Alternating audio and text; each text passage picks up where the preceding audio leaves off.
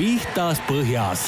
korvpallis kruvib pinget Pahv, Eesti-Läti korvpalliliiga peasponsor. tere, head korvpallisõbrad, kakskümmend kaheksa märts juba, pühapäev, kell keeratud. ette, keerasite ette või taha või keerasite üldse või, või naine keeras kodus, mehed? tere, Alar, tere, Gert. tervist. ei no see keerab ise ennast. aa, see keerab ise tere, tere, korvpallipere kuule, kõigepealt äh, kuulajaid juba teretasime, et ma tahaks lihtsalt öelda, et Gert, sa oled ikka mõjuvõimas vend, et midagi ei ole öelda eelmisel nädalal, ei, mis eelmisel nädalal? millal see CSKA mäng meil oli? see nädal vist ikka või? esmaspäev, eks? on ju, esmaspäeval see nädal ja tulebki tasuta, saad aru, voolabki tasuta lihtsalt koju sisse, et äh, see noh, ütleme niisugune jauramine, mis sa siin ajad, no see nagu toidab või? No kõigepealt ma ütlen sulle, mis kuradi jauramine, siit tuleb puhas kulda nii-öelda. ja teisest küljest jaa, sügav kummardus nendele inimestele, väga suur kummardus sellele, ma ei tea, kuidas nimetada seda, telekompaniid või mida iganes, kes neid mänge siis jagavad. Ja tõesti, nii ta oli. CSKA mäng täitsa tasuta, sai vaadata ja tänu sellele olen minagi näinud kahte mängu nüüd Cramo mängu VTV-s, mõlemad CSK, CSKA vastu, nii et jaa, tänud tänud telekompaniile! sellest äh, räägime pikemalt äh, natukene hiljem ja meil on isegi tulnud küsimusi seoses selle mänguga, nii et Alar peab siin olema valmis ka vastama. Äh, sa olid ju pingi peal, eks? olin. päris hea koha pealt sai vaadata, vaata meie pidime kaugelt vaatama. et siin on ikka mõnel mehel on selged eelised. aga enne, kui läheme siis riburada pidi teemade juurde, et Gert, ma saan aru, sünnipäevalaps on nagu meeletult olnud, me vist käime ära Alariga vahepeal või? No ma tahaks ikka tänases äh, saates ikka no ikka väga väärikaid inimesi siin tervitada ja, ja tõesti, kaks nädalat on ju läinud mööda ja aasta vanemaks on saanud ikka meile, ütleme, Eesti kossule ikkagi väga tähtsad inimesed, kes on oma jälje jätnud ja suured saapad jätnud nii-öelda Eesti kossu ja hakkame kohe riburada pidi minema siit, et siis paar nädalat tagasi on küll sellest möödas juba, aga, aga ikkagi ma arvan, et õnnesoovid teele lähevad. viisteist märts Atso Matsalu ja viiskümmend seitse et Atso on ju ka ikkagi üks legendaarsemaid korvpallikohtunikke meil Eestis ja olnud ja rahvusvahelise kaliibriga mees ja ja nüüd ta on see laua, ta on see komissar, eks ju nüüd, ja, ja lisaks kõigele, kas mul on õige, kui ma ütlen, et ta on ju uues korvpalliliidu juhatuses ka või? jaa, täpselt sa oled asjadega kursis ikka? nii et Atso äh,, jaa, aga vaata, kus aastad lendavad, viiskümmend seitse juba mehel, nii et aga nüüd ta paneb kõvasti golfi ja ja, aga muideks Atso on ka mees, kes on ju püüdnud vahepeal ka ju korvpalliliidu presidendiks suisa hakata, mäletad, kandideeris ka kunagi ja, ja, ja nii, et hoiab ikkagi Kossu asja veel nii-öelda Kossu sees on, et et mis me tervitame jõudu ja jaksu ja Atsole ikka, ikka ära sinna golfiväljakutele nüüd liiga kauaks jää, et Kossu asja vaja peab ka ajama, eks ju. mitu tehnilist oled saanud?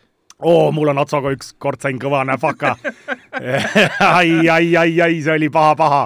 Läksin natukene keema ja lükkasin teda ja tuli näfakas ära ja pärast taheti mult hulgi raha ka veel saada ja distsiplinaarkomisjon. ei andnud raha sa?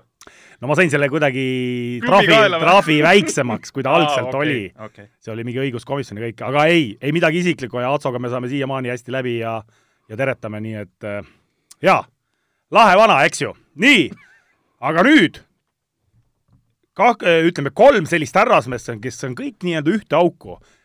kahekümnes märts Jaanus Levkoi, seitsekümmend üks, kakskümmend kaks märts Martin Van Gent, seitsekümmend neli ja kakskümmend neli märts Anatoli Krikun, seitsekümmend kolm. sellised mehed on sellise vahega siis seal sündinud ja ma ütlen, need mehed on kõik ju ikka, ikka ütleme, Eesti korvpalli härrasmehed, ma ütleksin nii, et Levkoi ja Martin Magent siis on olnud ju ka rahvuskoondise peatreenerid. sa oled mõlema käe all mänginud? ma olen, minu, mul on õnnestunud mõlema mehe käe all mängida ja väga-väga lahedad vanad, väga lahedad trensad ja ja, ja Jaanus ajab nüüd Haapsalus kossu asja. Alar, tead sa midagi täpsemalt? ajab, ajab juba mitmeid aastaid on ta, on ta seal ja ja Haapsalus hakkas vaikselt eh, nii-öelda ära kaduma, aga nüüd Jaanus puhub uuesti korvpallituuli seal sisse. aga mõtle, Pärnus ja Haapsalus on nagu mõnus kossu asja ajada talv läbi ajad Kossu asja ja suvel oled rannas. no kuule, Pärnu ja Haapsalu on vägevad kohad igat, igas mõttes.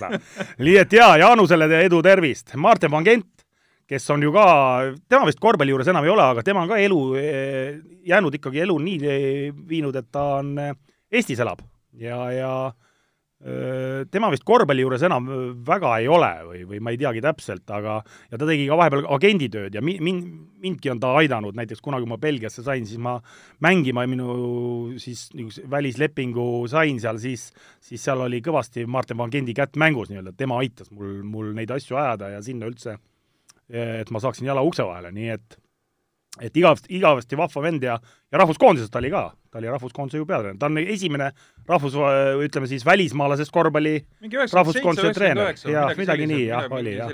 jaa. ja Anatoli Krikun muidugi, eks ju.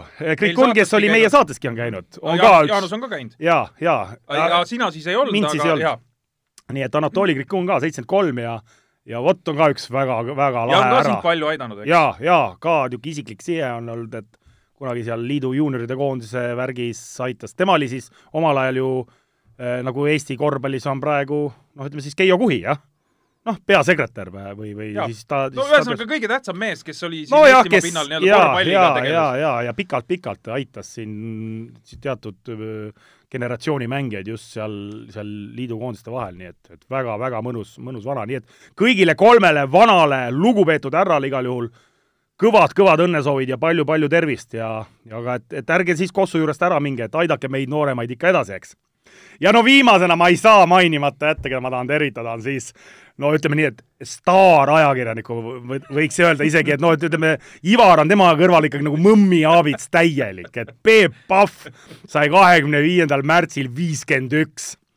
julm julm, julm, julm, aga see on ka mees nagu orkester, et teeb seda ajab seda Kossu asja ja ajakirjanduse asja ja kõike ja vaata, kus ikka jõuab ka ja tegelikult ütleme ilma naljata ikka tegelikult respekt mehele, et eh, teame, mida tähendab see treeneritöö ja värgid ja, ja sõitmised ja nädalavahetused ja lastega tegelemised ja värgid, asjad, aga ja siis pead veel oma põhitööd ka ja nii ta paneb aastast aastasse ja kunagi ju ta hakkas ka tegema seda treeneritööd nii-öelda võiks öelda oma poisi pärast, eks, et oma poiss mängis korvpalli ja, ja, ja, ja, ja nii ta läks ja nii ta läks, nii et Peep, et äh, aga nüüd ta on jõudnud ju naiste korvpalli. ja ta on naiste korvpallis ka nüüd ja. ju, noh, seda enam, et mees ajab seda kossu asja hingega ja no tõesti, respekt, nii et no ütleme, et noh, siin teised härrasmehed ennem, et teid me nagu lauda väga ei nõua, aga no Peep Pahv võiks küll olla see mees, kes ikka meile laua ka katab, et vaata, ta teeb ka seda meediavärki ja podcast'e, et no ole nüüd mees, tee meile ka väike laudkata, eks ole mis te arvate, jah? ei no muidugi, siin eh, noh, tegelikult see pakkumine võiks tema poolt tulla lihtsalt. jaa, et, et noh, et poisid, et tulge ja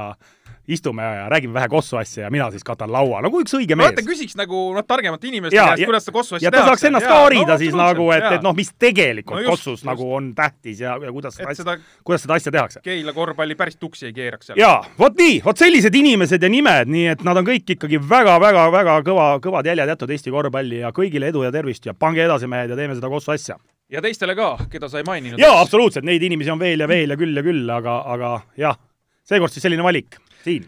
Nonii, aga läheme teemade juurde ja mina tahaks alustada täna üliõpilaskorvpallist äh,.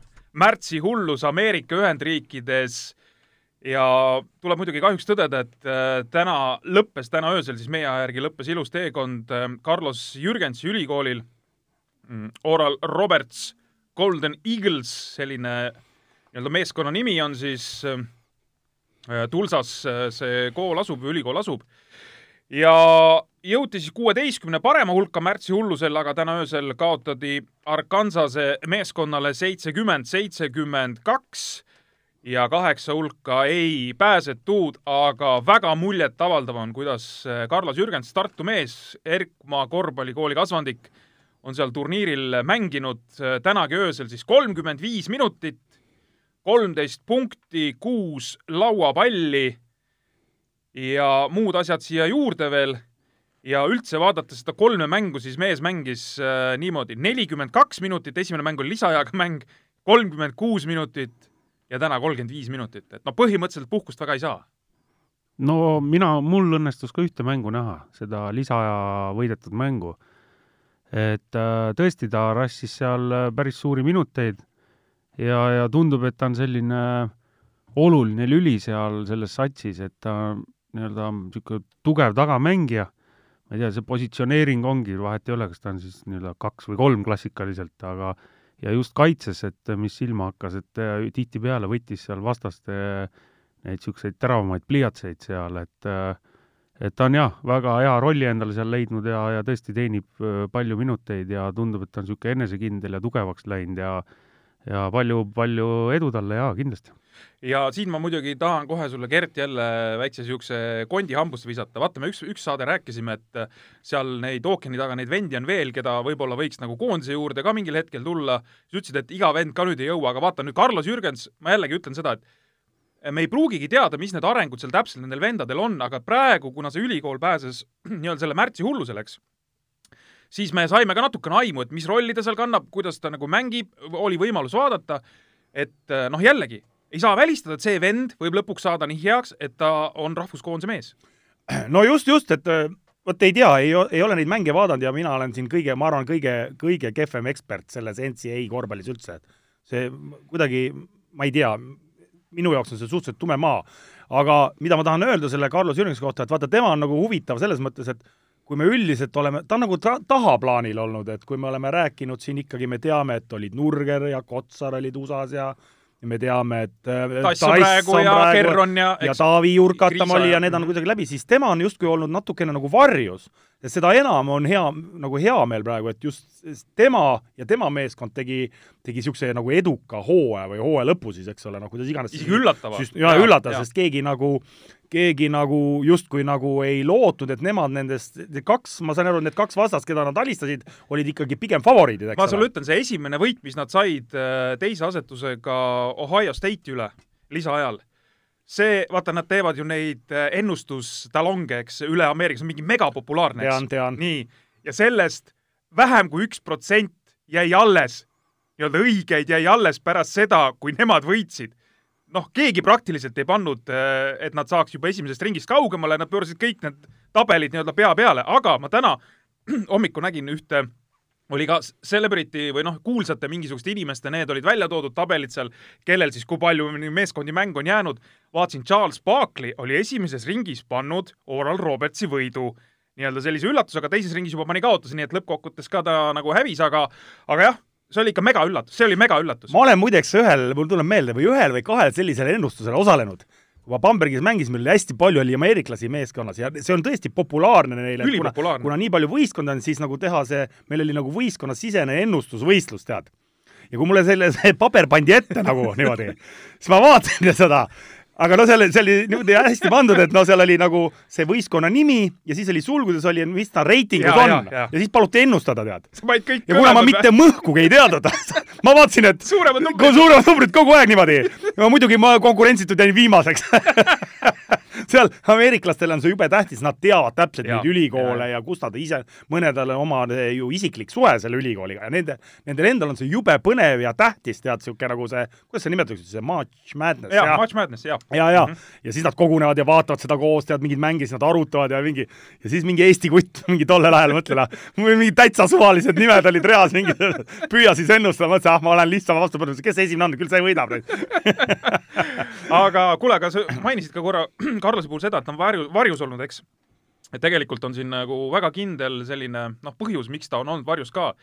ta on kolmas hooaeg siis Ameerika Ühendriikides ülikoolis, aga tegelikult ta mängib nagu teist hooaega, et eelmine hooaeg tal jäi vahele ja sa, nii palju, kui ma aru olen saanud, siis äh, point oli selles, et äh, et kui ta esimene hooaeg nii-öelda sai mängida, kõik oli klaar, treener ütles, et sa oled küll nii-öelda uus mees, aga mingi mänguaja saad, sai kõik klaar. aga selle teise hooaja eel tulid kaks sellist vanemat venda, kes võeti teistest ülikoolidest tema positsiooni peale ja paar nädalat enne hooaja algust treener ütles, et noh, päris ausalt, oli mingi niisugune nii-öelda konkreetne jutuajamine ja kuule, ega me sulle väga ei saa mänguaega anda, et nüüd kas teed vaheaasta või noh, põhimõtteliselt oled pingi, pingimees, eks. ja Carlos võttis julge otsuse ja, ja tegi vaheaasta, nii et ta mängib nagu kossu nii-öelda võistluste tasemel. eks ta trenni ikka sai teha aga mängib äh, teist hooaega alles ja eks see kindlasti see, et et ta nii-öelda üks hooaeg seal kadunud oli, et, et sellepärast me ei kuulnud ka temast kindlasti. jaa, no ühesõnaga ta ju tegelikult noh, taustaks ongi see, et ta ju Tartus alustas, eks ole, Erkma käe all ta alustas ja siis ta mingil hetkel vist mingi ajajärgul ta liitus Tallinnas selle Audentesega, oli Audentes ja ma, ma mäletan küll kuidagi nagu, et tal oli seal mingi tervisehäda, kas oli mingi õlaga või mingi asi, ta oli tüki, tüki aega vist väljas, nii et ega tal see lihtne ei ole olnud, see teekond siiamaani, eks ole, aga aga siis sealt Audentesest siis liikus siis sinna Ameerika maale ja nüüd on nii läinud, aga noh, igati tore lugu ju tegelikult Eesti korvpallile. väga kõva. ja muideks selles meeskonnas mängis ka üks lätlane minu teada, nii et siiamaani mängib. jaa, noh, ühesõnaga niisugune Balti sats. Äh, nii, ma ütlen sulle selle lätlase nime ka. Francis Gustav Slatsis. no vot, selline mees ka veel siis on Läti korvpallis olemas, niisugune. jätame need nimed meelde igal juhul. absoluutselt ja, ja äh, ma tahtsin lihtsalt veel öelda siis need tulemused ka ära, et nad võitsid siis esimeses ringis teise asetusega, seal on siis see tabel jaotatud nagu neljaks, eks, oma veerandi pealt tulevad äh, Ohio State'i, kes oli siis jah, teine asetus, see oli mingi äh, juhtus, et viieteistkümnes asetus võidab teist, juhtus viimati, ma ei tea, kaks tuhat kolmteist või ühesõnaga, see oli väga kõva sõna juba, juba see, seitsekümmend viis, seitsekümmend kaks lisaajal, siis teises voorus Florida ülikooli, kes oli seitsmenda asetusega kaheksakümmend üks, seitsekümmend kaheksa ja nüüd täna öösel kaotasid siis kolmanda asetusega Arkansasele napilt kahe punktiga seitsekümmend, seitsekümmend kaks, kusjuures ma nii palju olin üleval veel äh, öösel, et vaatasin nagu esimese poole numbriliselt lõpuni, nad olid vahepeal kümnega peal ja selles mõttes nad ikkagi pigem nagu isegi võiks öelda, nagu dikteerisid seda mängu. aga lõpus ikkagi seekord siis kõrgema asetusega meeskond äh, sai selle kätte ja seesama ülikool äh,, Oral Roberts siis mängis nüüd kuuendat korda üldse märtsi hullusel, viimati aastal kaks tuhat kaheksa. Ehk siis juba see, et nad sinna pääsesid, oli ülikõva sõna kooli mõttes ja et nad nüüd märtsi hullusel võitsid kaks mängu, seda nad on suutnud varem ainult korra, tuhat üheksasada seitsekümmend neli ehk siis nelikümmend seitse aastat tagasi. nii et üli, ülikõva värgi nad tegid ja ma arvan, et, et ülikooli rahvas on seal mega rahul. ja kaks tuhat seitseteist oli siis see aeg, kui Maik-Kalev Kotsar hullas, mäletame, jõudis Final Fouri selleks ja South Carolina ülikooliga ja tegelikult noh, siit võikski nagu paralleeli kohe tõmmata praegu Maik-Kalev Kotsariga, väike pisar hakkab juba silmanurka tekkima Alaril. ja niisugune mesimagus nägu tuleb juba Alaril, kui tema õpilasest räägitakse. et neli aastat tagasi, neli aastat tagasi oli siis Maik-Kalev Kotsar, ütleme enam-vähem seal, kus praegu on Carlos Jürgen, selles mõttes, et äh, noh, mida, midagi sarnast. ja nüüd mees hullab äh, Bundesligas äh, Hamburg Towers, liigatabeli kuues meeskond, aga sellel nädalal kotti nii Berliini Alba kui Müncheni Bayern ja kõige kõvem mees satsis, noh, põhimõtteliselt kõige kõvem mees, meie, meie oma vend Maik-Kalev Kotsar, kakskümmend punkti mõlema vastu, pluss veel ühes siis üheksa lauapalli ja neliteist või midagi. eile neliteist jah, eile neliteist lauda. meganumbrid, meganumbrid. no supernumbrid. no jaa, et äh, pf, ma arvan, et see mees praegu paneb end kõvasti oma nimest rääkima siin äh, Euroopas, et äh, et niisuguste satside vastu ja veel võidad ka. just, võidetud ka veel mõlemad mängud. ja, ja nad on ilusti play-off konkurentsis ja olla sellises satsis, sellises liigas äh, äh, oma võistkonna üks liidritest on kindlasti kõva kvaliteedimärk ja, ja ja, ja kindlasti mis iganes on see Hamburg või, või mingi muu sats, aga kindlasti no ühesõnaga ta jättis kõva märgi endast jälle maha peale koondise mänge ja nüüd see nädal ka kindlasti. ma chat isin, Gert, vaata, me chat isime siin eile ka korra õhtul, et et mis need mängud nüüd kaasa tuua võiks, et selge see, et mingi ühe või, või kahe mängu pealt lõppkokkuvõttes on ju midagi suurt ei otsustata, aga vaadates, et ta keskmised näitajad see hooaeg on, ütleme seal vist umbes neliteist punkti ja seitse lauapalli, meeskond äh, pigem võidab kui kaotab, ehk võiduprotsent on üle viiekümne, Euroliiga satsid kotti, me saame ka aru, eilegi, noh, me võime ju alati öelda, et kuule, no praegu Müncheni Bayerni tähelepanu on Euroliiga mängudel, neil see Reynolds ei mänginud praktiliselt eile, kaheksa minutit, see on see põhivend, kes nii-öelda korvi all möllab Euroliiga kohtumistes neil, eks.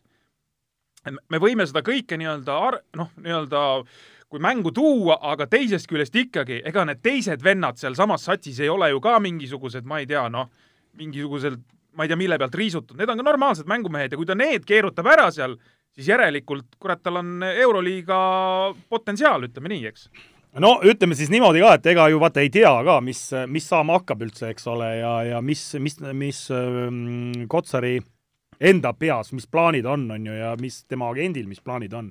aga no ma ütlen, et see on ikkagi eriti väärtuslik, et ta saab, et nad võidavad neid suuri ja tema nagu roll on suur nii mänguminutitel kui ka ütleme statistiliselt, et see võib olla kõva, kõva argument. samas me ei saa välistada, ega me ju ei tea, kuidas Hamburgil see hooaeg läheb võib-olla Hamburg mängib ennast ise Saksamaal nii kõrgele, et, et see ongi see sats, kes pakub talle järgmiseks aastaks head lepingut, võib-olla tänu sellele nad saavad mingisugust kuskil eurokapis koha, mida iganes, ega me ei tea, võib-olla ta ei pruugi, ta ei tahagi näiteks ära minna, kui on hea klapp treeneriga, pakutakse ka korralik leping, näiteks nüüd juba varakult uueks hooajaks või kaheks või kolmeks, siis see täitsa on, täitsa võimalus, nii et ega me noh, nii on nagu vale spekuleerida, ma arvan, et oi, et ta nüüd läheb kuhugi, ega me ju ei tea tausta ja mida, mida Maik ise mõtleb nii, aga, aga fakt on see jah, tõesti, et et ma arvan, et jube hea lüke, ütleme sellelt siis sellest Hispaania treenerilt, kes Hamburgist, kes Maigi oma satsi kutsus, ehk, siis ma tean nii palju tausta, et see, see, see, sellele meeskonna peatreenerile oli antud voli,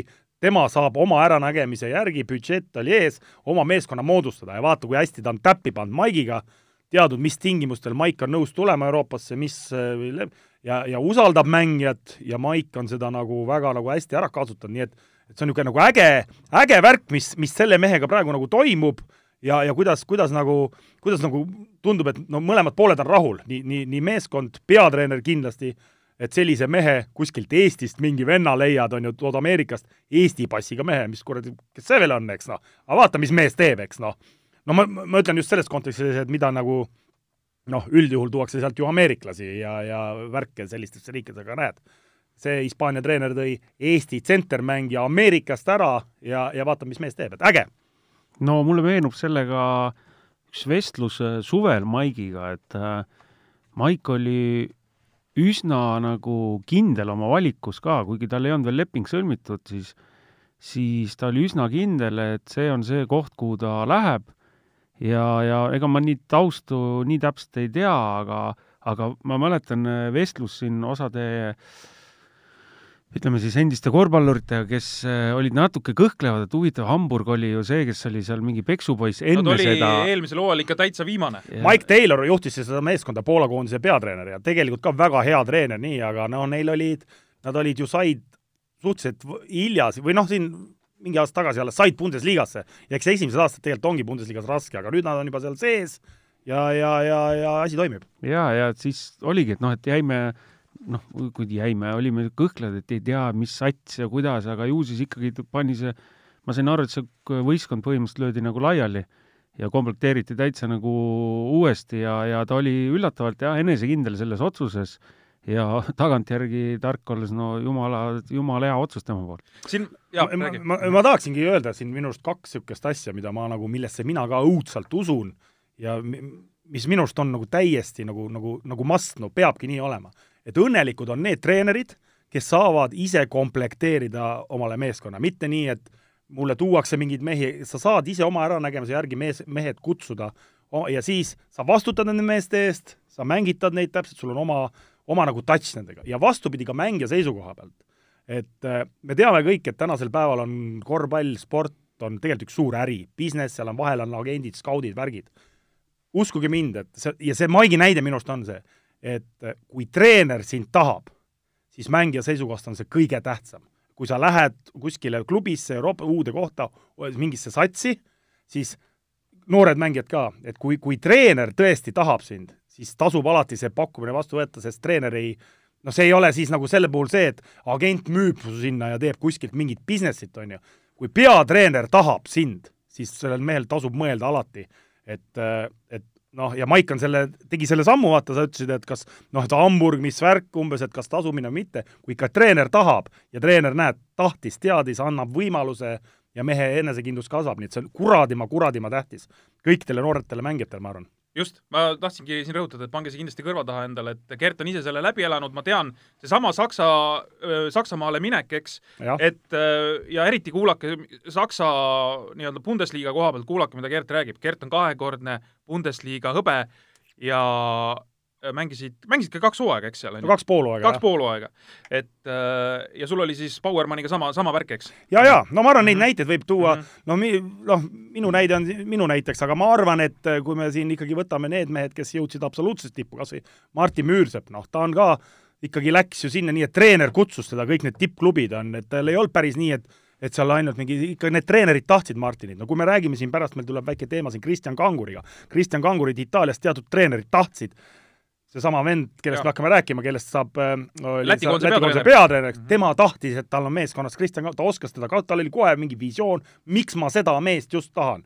ja loomulikult tasub siis minna alati, et see on, see, see on kuradima, kuradima tähtis, nii et jah, kuule, aga mehed, ma küsin siin otsa kohe, vaata oli juttu sellest ka, et, et noh, no ei tea, kas tasuks äh, Maigil üldse siin hakata midagi vahetama, ma ei tea, see Hamburg saab tõesti nii, nii hea koha, saab No me spekuleerime mingi... ja, ja spekuleerime, et ta saab, ma ei tea, mingisuguse eurosarja hakkab mängima ja nii edasi.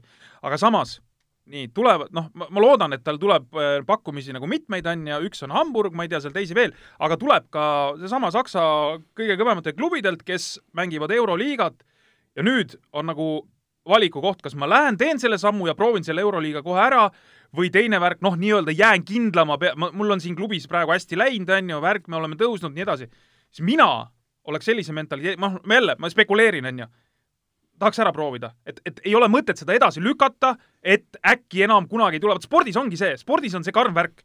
kui, kui sul on praegu võimalus, siis see tuleb ära teha, sul võib tulla vigastus, ma ei tea, sul võib sada asja tulla, eks. et kui sul on võimalus, tuleb minna.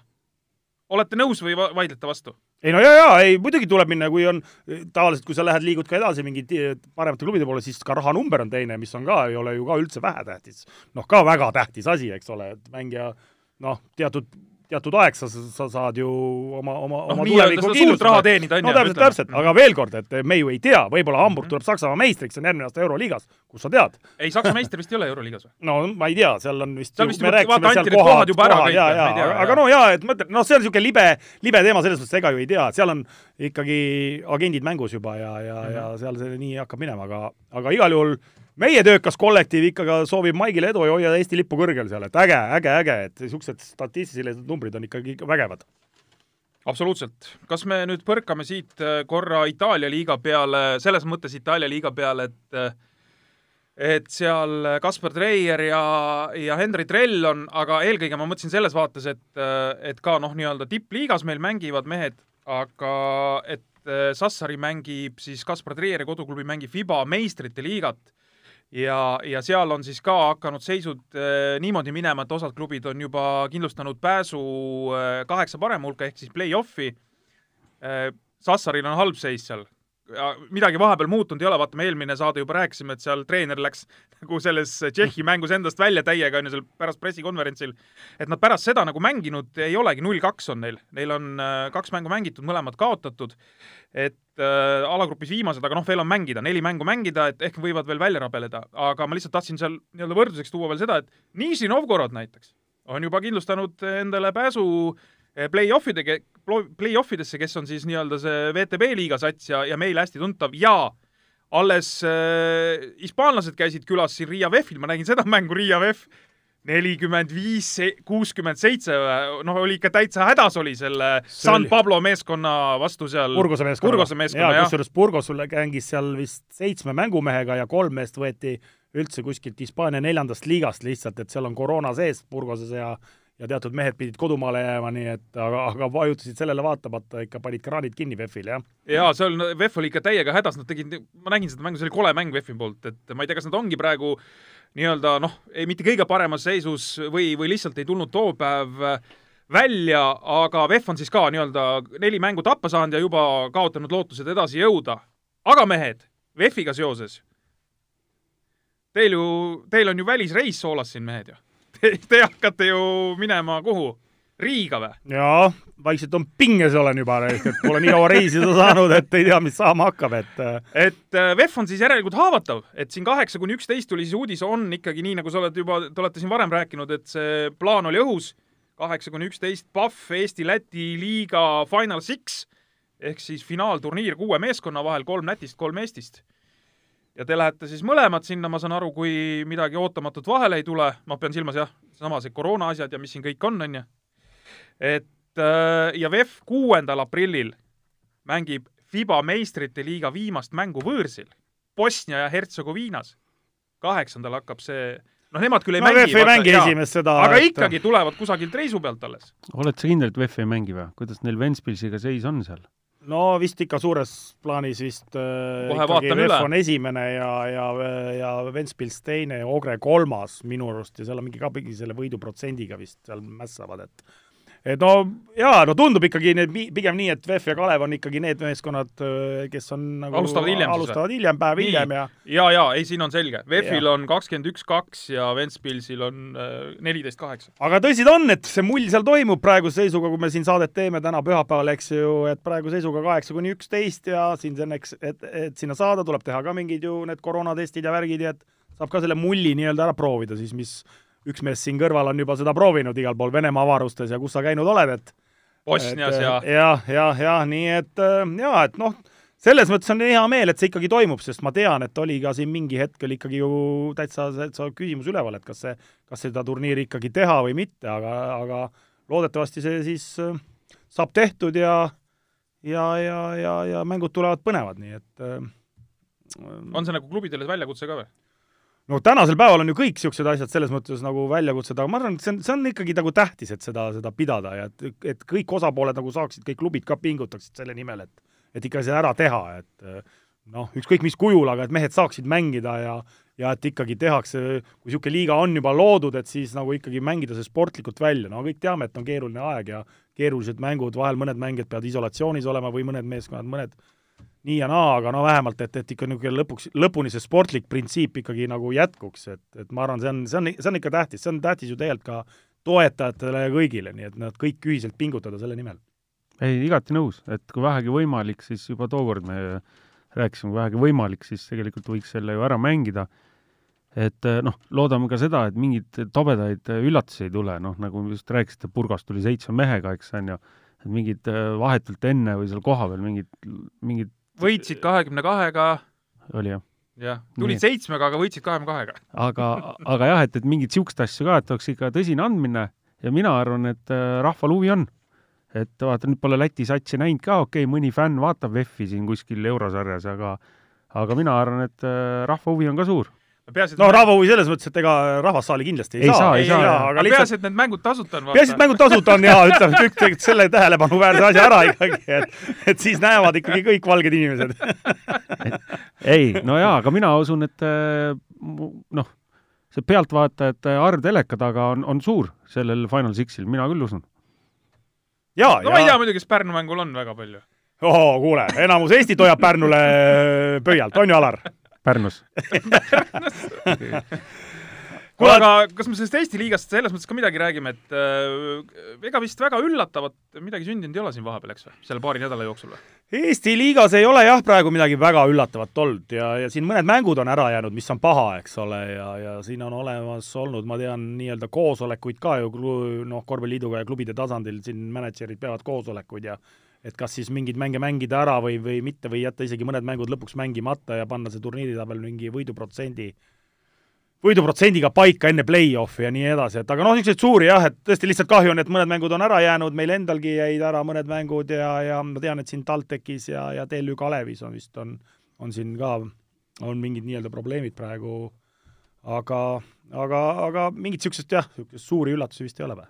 no eks see ongi kõige raskem on, kuidas need mängud saab ära peetud, et seal oli seesama, see Final Sixiga seoses ka ju, et kuna, kuidas sa jagad neid kohti, on ju, et äh, osad äh, võistkonnad ütlesid, teoreetiliselt on neil ju võimalik see kolmas koht veel kinni püüda, eks äh, mis sellest sai, ega ma päris täpselt ei teagi ja pluss on siis see, et kuidas need mängud ära mängida, kuna siis hakkavad Eestikad, veerandfinaalid mitme võiduni ja see, need arutelud siin klubide juhtidel äh, käivad, aga teine asi veel, et et ega TLÜ-l ja TalTechil, ma ütlen, nüüd on nagu otsustav faas, nüüd nad istuvad ja siis nad tulevad, nad peavad kohe mängima hakkama, ma ei kujuta ette see sportliku vormi osa, kuidas see nagu, kuidas nad sellest välja tulevad, pluss TLÜ-l ju uued mehed ja, ja nii edasi, uus treener ja pole trenni saanud teha, nii et see ka veel igavesti raske neile. see on üldse üks, ega see on päris kõva väljakutse nii mängijatele kui ka treeneritele, sest okei okay,, üks asi on see, et kuidas vorm või midagi, aga ega kui sa ikka niisugused pausid sul tulevad, pikad pausid ja värgid ja ega see vigastuste oht on ka ja ega no tahaks ikka väga-väga-väga sooviks, et ikka kõik jääksid ju terveks ja, ja lõpetaksid ilusti hooaja ühes tükis nii-öelda, et ega see ka ei ole, ei ole, ei ole lihtne, kui sa pead istuma seal kuskil mingis istu-, pannakse sul neid mänge võib-olla jälle riburada pidi, pead mõni mees seal pungestab mingisugune kolmkümmend viis pluss minutit iga mäng, eks ole, aga treeninud sa väga ei ole, eks, noh, et ega see on jaa, päris, päris, päris, päris suur niisugune väljakutse kõigile, eks. kuulge, aga mehed, aga oot, oot, oot, ma kõigepealt tahan välja pinnida teilt, kas nüüd, kui see Pahv Eesti-Läti liiga finaalturniir toimub, kas see karikas nagu tuuakse nüüd Eestisse või ei tooda? no muidugi Eestisse no.. on jah, aga kes siis toob? väga libe, väga libedalt praegu siin. no ma ei hakka sulle ütlema, kes selle toob. sa ka, Alar, vist ei ütle, ma arvan. peaasi, et Eestisse jääb, jaa, onju. peaasi, et Eesti, me Okei. ajame Eesti asja, peab Okei. no see Eestisse peab tulema see. Et eh, no selle nimel me vaeva näeme, et see Eestist tuleks. kuulge mehed, aga okei okay,, kui meil sellest Eesti liigast ka nagu tõesti vist ei ole ju väga palju siin midagi praegu nii-öelda rääkida, pole niisuguseid suuri arenguid, siis ma kirjutasin enda jaoks välja, vaata, sa tõid juba põgusalt sisse see FIBA Champions League'i, kuidas siin on läinud Riia VEF-il ja värgil, siis siis käime läbi ka need väiksemad, kui me enne, kui me Euroliiga juurde lähme, et eh, Eurokapis muideks on mängud käivad praegu, eks.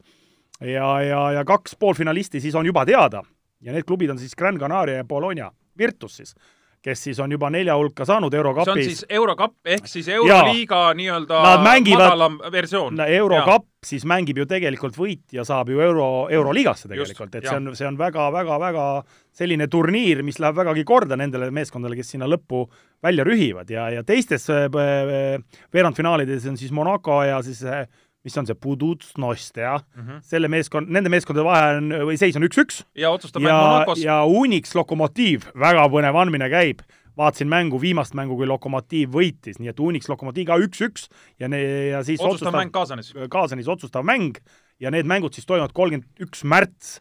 et siis saab teada need kaks meeskonda ka, kes siis lõpuks need neli meeskonda selgitavad välja nii-öelda selle äh, kes saab Euroliigasse järgmiseks aastaks, aastaks koha, eks, aga, aga Kuban ju tuleb, tähendab, on juba siin, täna mängib, pühapäeval läheb meil saade üles, täna mängib Kalev Cramoga ja siit otse lähevad Kaasanisse, nad koju enam ei lähegi, seda ma juba lugesin nende kodulehe pealt, et nii-öelda selline mitme mängu tripp on neil ja kolmkümmend üks märts on siis, või kolmkümmend ütlesid või, kolmkümmend üks?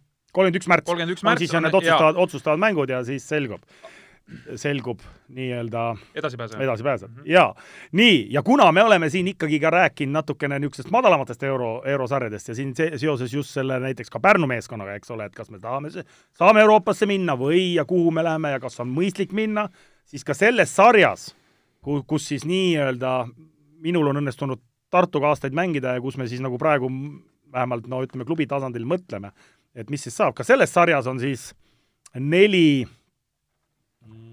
poolfinalisti siis või? Final Four või? Final Fouri võistkond on nagu, nagu selgunud ja, ja seal olid päris kõvad üllatused, ma ei tea, kas te mehed olete jälginud seda, te kindlasti ei ole vaadanud seda turniiritabelit, aga neli Fermi Marba sai ka sinna või? äh, Permi Parma Sai, on jah? üks meeskondadest, kes siis on Jaa. VTV liigas, on üks Final Fouri meeskonda, siis üks meeskond on selline meeskond nagu Rumeenia Oradea ja mis, miks, miks ma seda tahan rääkida, et nemad näiteks, seal on siis see FIBA, jälle FIBA teeb muidugi naljakalt neid asju, et et noh, eks nad mõtlesid ka vist, et selles sarjas noh, peaasi teevad kõik selleks, et siis ikkagi saaks selle võite välja selgitada, siis tegid ühest mängust need edasipääsed ja kujutad pilti, siis see Oradea meeskond veerandfinaalis võitis Reggio Emilia satsi, itaallased.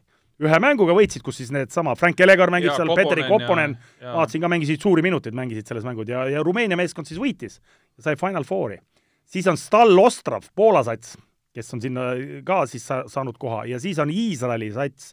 Iisraeli satsi nimi on, kuulake nüüd, Iron High Motors Nezziona no saite aru, mis sats on või? ühesõnaga, see meeskond sai sinna ja nemad seljatasid Saloniki Iraklise veerandfinaalis. ehk siis äh, selles Final Fouris FIBA Europe Cupis on siis äh, meeskond Rumeeniast, Poolast, Venemaalt ja Iisraelist ja No seal peaks- ja seal siis toimub nüüd Final Four, aga ma küll ei tea, millal see toimub ja, ja no kõik Final Fourid toimuvad äh, Türgis no, või Venemaal. vot ei tea jah, jah, aga no siuksed noh, just mõt- ma mõtlen just selles kontekstis, et kui nüüd mõni Eesti klubi sinna, sinna saaks äh, või paneks või sooviks seal FIBA sarjas nagu teha, siis no kui ma praegu vaatan seda nimekirja, kes sinna lõppvõistlusele saab, siis no kui näiteks Kalle Cramo selles sarjas mängiks, noh, miks nad ei võiks sinna täitsa lõppu purjetada näiteks, no Parmaga kuidas seis on sellel aastal, kuidas oli? me kaotasime mõlemad, mõlemad mängud oli Apu, jaa. no okei okay,, aga no ne, see annab nagu aimu natukene sellest tasemest lihtsalt, miks ma tõin selle, et et noh, kui ma nüüd panen selle nagu Pärnu konteksti, et et noh, näiteks Pärnu tahab minna seal proovida selles liigas ja värke ja noh, ütleme, selles liigas on väärikaid meeskondi, eks ole, kes, kes mängivad, eks noh. ja aga, aga näed, lõppu jõuavad, näed, mõni, mõni tugev nimi jääb nagu välja täitsa, eks ole, et, et noh, niisugused, et see ongi nagu liiga võib-olla siis ka sellistele riikidele, et noh, näed, et Rumeenia, Poola, sellised klubid saavad ka kuskil euromängudes nagu, nagu lõppvaatlusesse nagu minna, no nii nagu omal ajal vaata Tartugi sai, sai sai, sai, kus me mängisime, Küprosel vist seda Final Ja, Fouri, eks ju. jah. jah, kus olid ka siis tegelikult ju Läti klubi, Küprose enda klubi ja Belgia klubi vist olid seal siis, siis võistlustel, eks. jaa, et äh, vot, niisugune, niisugune võib-olla siis kedagi huvitab, et, et muidu me ikka räägime siin ainult Euroliigast, aga kuule aga paneme siis Euroliiga otsa kohe või? mängitakse kossu ka teistes liigades, jah. no aga paneme. No Euroliigas on siis äh, seis selline, et põhiturniirist on jäänud mängida ainult kolm vooru ja nüüd tuleb meil paarisvooru nädal ehk siis kahe mängu nädal. ja, ja noh, siis põhimõtteliselt hakkavad asjad ikkagi lõpuks klaariks ka saama, praegu on siis kolm vooru lõpuni ja ainult üks meeskond on kindlustanud nii-öelda koha äh, play-off'is kaheksa parema hulgas, et nii tihe on see värk, et et seal siis alates teisest kuni kümnenda meeskonnani on siis seitseteist kuni kakskümmend võitu, et äh, noh, ütleme üheksa meeskonda on kolme võidu sees põhimõtteliselt. ei no seda me oleme rääkinud siin ju korduvalt, et äh, kui tihe see on ja kuidas siin, jätame hinki välja, aga aga ülejäänud siin panevad äh, kordamööda siin kõigile nii-öelda, kõik on kõiki võimelised võitma, et ja seda see turniiritabel eredalt näitab ka, et äh, väga hullud äh, mängud tulevad nüüd äh, siin viimase, viimastes voorudes. hästi palju on kaalul paljudel meeskondadel ja, ja meie põhiküsimus, ütleme Eesti Kossu vaatevinklist on ju siis see, et kas nüüd Baskonia saab sinna kaheksa hulka või ei saa, okei okay., noh jällegi, me võime ju öelda, et no mis me siis väga põeme, et Sander ju väga ei mängi, onju, aga ikkagi, sul on oma mees seal ja vahest mängib ka, et ikkagi tahaks, et ta jõuaks sinna kaheksa hulka. et äh, loodame, et Baskonia sinna saab, kuigi praegu ollakse siis nii-öelda joone all esimene meeskond. Seitseteist võitu, neliteist kaotust viimasest üheksast mängust on muidugi saadud kaheksa võitu, et selles mõttes eh, praegu ronitakse nii-öelda ülespoole kogu aeg. ja viimases mängus pandi Milano kotti Pandi väga kindlalt. väga kindlalt ja hea mänguga panid kotti ja no- mängisid küll mingi seitsme-kaheksa mehega, aga panid Milano ilusti kotti, nii ja Milano on ju turniiritabelis ikkagi jaa, ikkagi kas teine või kolmas, ja, mis ja iganes ta seal on, eks. väga hea võidu sai Baskonia, jah. et, et see on seesama, mida ma tahtsin eelmine kord vaata või ütlesin eelmine kord, et minu meelest, et kui Baskooni ise hästi mängib, siis nad noh, võivad võita ükskõik keda, et eh, täiesti vabalt. aga no vahel sul on, vahel sul on Ivar õigus ka, ei näed. no mul ongi aga sa oled, ma ütlen ka, ma, ma ei saa lihtsalt jätta ütlemata, et sa oled ikkagi meeletult arenenud ka siin ei no kuule, selle, tarkade klubis, vaata kus siin sa oled ikka nagu peale. kõva kärbes juba, ma ütlen, sa ikka nagu juba täitsa juba räägid nagu mõistlikku juttu täitsa ja niisugune jama asja. kohati. jah, jah, kohati jah, jah. kuule, aga Baskoonial on siis ees veel sellised mängud. võõrsil Panathinaikosega, kodus Anadolu Efesiga ja võõrsil Valenciaga. ja ütleme, need nüüd praegu siis seitsmes, kaheksas, üheksas, kümnes meeskond, kes on kaheksateistkümne ja seitsmeteistkümne võidu peal, noh, põhimõtteliselt, kes jagavad need kaks viimast play-off kohta, ma arvan. et seal siis Valenciaga see mäng võib olla väga otsustav. viimases voorus üks mäng omavahel on mängitud sel hooajal äh, Euroliiga raames.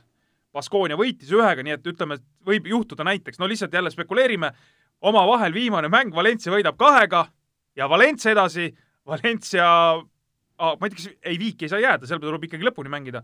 et ja, ja Baskonia siis noh, ma ei tea, kaotab ühega, mis siis juhtub huvitav, siis oli vaadatakse üldist, üldist seisu, ma arvan. üldist korvide vahet. Äh, selle vaatame üle praegu, no ütleme nii, et Baskonia kasuks mingi saja punktiga peaaegu, et selles mõttes siis sobiks, ühe punkti kaotus sobib, kahene enam ei sobi. ma ikka väga loodan, et sellist mängu, et see ei jää nagu viimase mängu jääb, jääb. mina loodan, et jää, just sellel põhjusel, vaata, sa oled eestlane, eks ole, ma olen alati selle võistkonna poolt, kus Eesti mees on. Aga kui nüüd on Valencia Baskonia, sorry, Sander, ma, ma istun Valencia särk seljas ma istun Pärnu särk seljas ja ma olen nii Valencia, mulle nii Valencia sats Kuule, meeldib, ma ei tea, miks, no ma ei tea, Alar, sa. oled aru saanud, nüüd ta räägib juba, et istub seal Pärnu särk seljas, Valencia särk seljas. ma, ma ei imestaks, kui varsti tuleb Pärnu selle mängusärgi peale tuleb Valencia kuskile kiri, mingi kiri tuleb Valencia, hakkab jooksma sealt üle. mulle õudselt sümpatiseerib see Valencia treener, mulle õudselt meeldib see Valencia, see, see, see meeskonna, see kõik see, kõik see asi, mis seal on, on, ma ei tea, ma olen kuidagi nii nagu, ma olen täitsa niisugune fänn ja, ja ma ei tea ise ka. minu arust neil on nagu mingisugune mõte sellel meeskonnal, selles mõttes, et nad ei, nad ei pauguta rahadega nii nagu Barcelona või Real, et ostavad seal, vaata neil on kuidagi nagu väiksema budžetiga toimetada, aga kuidagi sümpaatselt ja lahedalt ja neil on nagu mõnus see kõik see infra seal ja värk ja et kuidagi nagu jõle, jõle, jõle lahe ja kõik need no ma, ühesõnaga, Sander, et, et no, ära jäta viimase mängu ära jäta, ärge jätke seda viimase mängu, et ei pea niisugune nii mõtlema üldse hakkama. ei no jaa, seal on põnev, seal kõigil on seal ju põnev siin, seniit, eks, on seal ju no seniidil on seitseteist, kolmteist, neil on üks mäng vähem äh, peetud, Panathinaikosega mäng on jäänud vahele siin ja see mäng veel peetakse, kui nüüd põhiturniir põhimõtteliselt vist minu meelest lõppes ära, kas oli kaheksas aprill või oli üheksas aprill, siis see Panathinaikosega mäng on praegu lükatud kaheteistkümnendale aprillile. noh, et ei ole auku lihtsalt, kus varem mängida ja et noh, võib juhtuda, et näiteks ma ei tea, kõik peavad värisema kuni kaheteistkümnenda aprillini, et sellest mängust võib veel sõltuda, et kes saab ja kes ei saa, eks. no täitsa võimalik ju. jaa, kuule, aga Euroliigas on üks selline meeskond nagu FS Pilsen, eks jälle hakkab peale. see õllefirma sats, eks. ja need mängivad kuratlikult hästi, eks ole. ja, ja, ja noh, ega neid vist, me oleme siin enne juba eelmises saates rääkisime, et Need on kõige kõvem sats et praegu. nojah, et, Nii. et, et nendega keegi ei taha kokku minna, aga siis selle meeskonna peatreener siin möllab, Ataman. Ataman möllab, see on ka kärbes vana ja ta on andnud ühe põnev, põneva inter- intervjuu vahepeal. Kent luges Türgi meediat. jaa, ta on väga huve, no vaata, ma loen eri Ei, no absoluutselt. me alles jõuame selle rubriigini, kui me siin hakkame seda meediavärki. nii, aga tõesti põneva intervjuu ta andis ja mis siis mees ütles, mees ütles, et no ka sellel ala küsiti, et no mis siis alguses oli FS-il ikkagi nagu rasked ajad siin hooaja algus. ja vana ütles niimoodi, et no mõte oli umbes nii, et tead, väga ei olnud motivatsioonigi hooaja alguses seda Euroliigat mängida, vaata ta oli kuratlikult vihane ja, kogu et selle. Ja selle peale, et eelmine aasta see Euroliiga jäi vahele või noh, selle ei lõpetatud ära, nemad olid ju esikohal, kindel esikoha favoriit, et kõik ju tegelikult muud sarjad Mängis proovisid lõpuni. lõpuni, mängida, ACB mängis seal lõpuni, ütleme jalgpalli Champions League ju tegelikult suvel. ja mängis ju ikkagi karika välja. no palju, paljud liigad ikkagi jah, suured paljud liigad ja ta on ikka kuratlikult vihane selle Euroliiga peale, ta ütles, et ta on täitsa solvunud oli ja tal ei olnudki mingit motivatsiooni väga, no ilmselt siis ka meeskonnal umbes seda Euroliigat üldse mängida siin, aga et no nüüd on no, nagu siis tuhhi üles saanud. nüüd on tuhhi üles saanud, noh. ja siis viimane Bayerni mäng siis, kui nad mängisid, siis vana ka läks juba pöördesse, eks. eelviimane mäng siis, kui nad Bayerniga mängisid, siis ta peale, peale, peale mängu seal ütles mõned krõbedad sõnad treene- või Kohtunike kohtunikele, jaa. mis siis nagu noh, et väidetavalt olid liiga teinud ja muidugi sai nähvaka ära, korralik trahv ja järgmine mäng juba vaatas mees tribüünilt rahulikult mängu. jaa, aga ta oli seal saalis olemas, FS mängis oli, Panathinaikosega oli Panathinaikosega oli saalis, aga abitreener siis juhendas mängu. nii et see Ataman on väga värvikas kuju ja möllab korralikult, aga jah, mulle hea meeldis see intervjuu selles mõttes, et polnud nagu motti mängida seda Euroliigat. euroliigat ei olnud nagu motti väga mängida, tead, et ah, mis seal ikka on ju, aga no eks ta ütles seda natukene tead, niisugune no, Meelega meelega ja, keeras ja, üle et, vindi natuke, et, eks. ja aga mõnes mõttes arusaadav ka, eks ole, eks ajab ikka viale küll, eks, et ümber noh, et eks, eks ta ikkagi lootis, et see Euroliiga ikkagi kuidagi, kuidagi ikkagi saab mingi jätku seal eelmise aasta Euroliiga siis nii-öelda kuidagi ära lõpetatakse, aga noh, nii, nii ta oli, eks. Euroliigaga seoses äh, Žalgiris siis nüüd äh, viimases voorus, mis oli, kaotas kodus äh, Tel Avivi Maccabile ehk põhimõtteliselt kustutas lootused edasipääsuks, et neil on siis praegu viisteist võitu ja ma arvan isegi, kui nad kõik kolm mängu võidaks, saaks kaheksateistkümne peale, siis kaheksateistkümne võiduga äh, ma arvan, sisse ei saa. et ühesõnaga põhimõtteliselt Žalgirisel kriips peal, kõik Žalgirise fännid, võtke siis teatavaks. aga ma praegu tahan öelda, et mulle tundub, et Madridi Real jääb välja sel aastal play-off idest, nad on selles samas pundis sees, mis me siin mainisime, et sellest neljasest pundist mulle isiklikult äh, tundub, vaadates seda, kes veel, mis, kellega mängima peab, mis mängud on, et seniit saab sealt edasi, et seniidil on siis neli kodumängu, CSKA, Asvel, Maccabi, Panathinaikos, siit nad äh, vaata et saavad isegi kolm võitu kätte neljast. Ja noh, ongi siis kas Baskonia või Valencia pigem, ma arvan, sest vaadates ka neid omavahelisi mänge, et kui siin Realil on mängida kodus Anatolo Efesiga, võõrsil Fenerbahcega ja kodus Olümpiakosiga, siis äh, okei okay,, nad saavad siit ühe võidu kätte. aga sinna, kui Baskonia peaks ka tõusma üheksateistkümne võidu peale, siis kaks-null Realiga. et äh, igal juhul nagu vesi ahjus Realil ja, ja selles vaates nagu midagi, midagi rõõmustavat ei ole, aga noh, mis ei ole meie mure, et me tahaks ikka, et omad poisid sisse saaks, eks. no nii on, aga Madridis on rõõmustavad küll ja jääme Istanbuli, sest Istanbulis toimus noorte Euroliiga ja seal ei, ei olnud üldse halb Madridi Reali käekäik nii et neil järelkasvu on, et räägime natuke ka sellest turniirist. Kas te mehed vaatasite noorte Euroliigat? Alar, sul on Kuule. aega noorte korvpalliga eh, tegeleda, kas sa üldse vaatasid, kas sa üldse tead, et selline turniir on olnud? tean, tean. ma rääkisin äh, Rauno Pehkaga, kes väga pingsalt jälgis. Jaa. samal ajal, kui mäng käis, siis äh, me suhtlesime omavahel. ehk siis vahepeal kaheksateist kuni kakskümmend üks märts tõesõna oli see Istanbulis see Euroliiga siis üks etappidest noorteturniiridest ja, ja ja rõõm, et siis mõlemad Eesti poiste võistkonnad said ju finaali. ehk siis Henri Veesaar Madridi Reali eest ja ja, ja Kaspar ähm, Trei- äh, äh, mitte Kaspar Kuusma. Treier, Kaspar Klemet Kuusma, meeskond Stella Suura Itaaliast, siis mängisid finaalis ja mina vaatasin finaali Kui ka ja ma Kaspar- vaatasin üldse neid mänge Eesti kui poiste sa mänge. Kasparit näed, kas sa iga kord ütled tere, Kaspar Klemet või? Kaspar on, meil on omavahel släng, mina Okei. ütlen Kasparile you my dog alati, ta Aa, teab. meil on oma släng, tead siin äh, nende teatud, teatud, okei. teatud meestega. nii, aga ma saan aru, et te ikkagi mitte midagi sellest turniirist väga mis ei tea. asja, kuule, ma istusin mänge, muidu- aga miks ma tahan sellest turniirist äh, rääkida, et väga põnev tegelikult värk, et vaata, vaatasin neid, nende koosseise seal ja siis ma panin kirja ka siin, et näiteks Henri Veesaar mängib Madridi Realis, siis vaatan, et kus, kes tal need meeskonnakaaslased on ja siis meeskonnakaaslased on Sloveeniast, Itaaliast, Rootsist, Bulgaariast, Senegalist ja siis on hispaanlasi ka seal, eks ole.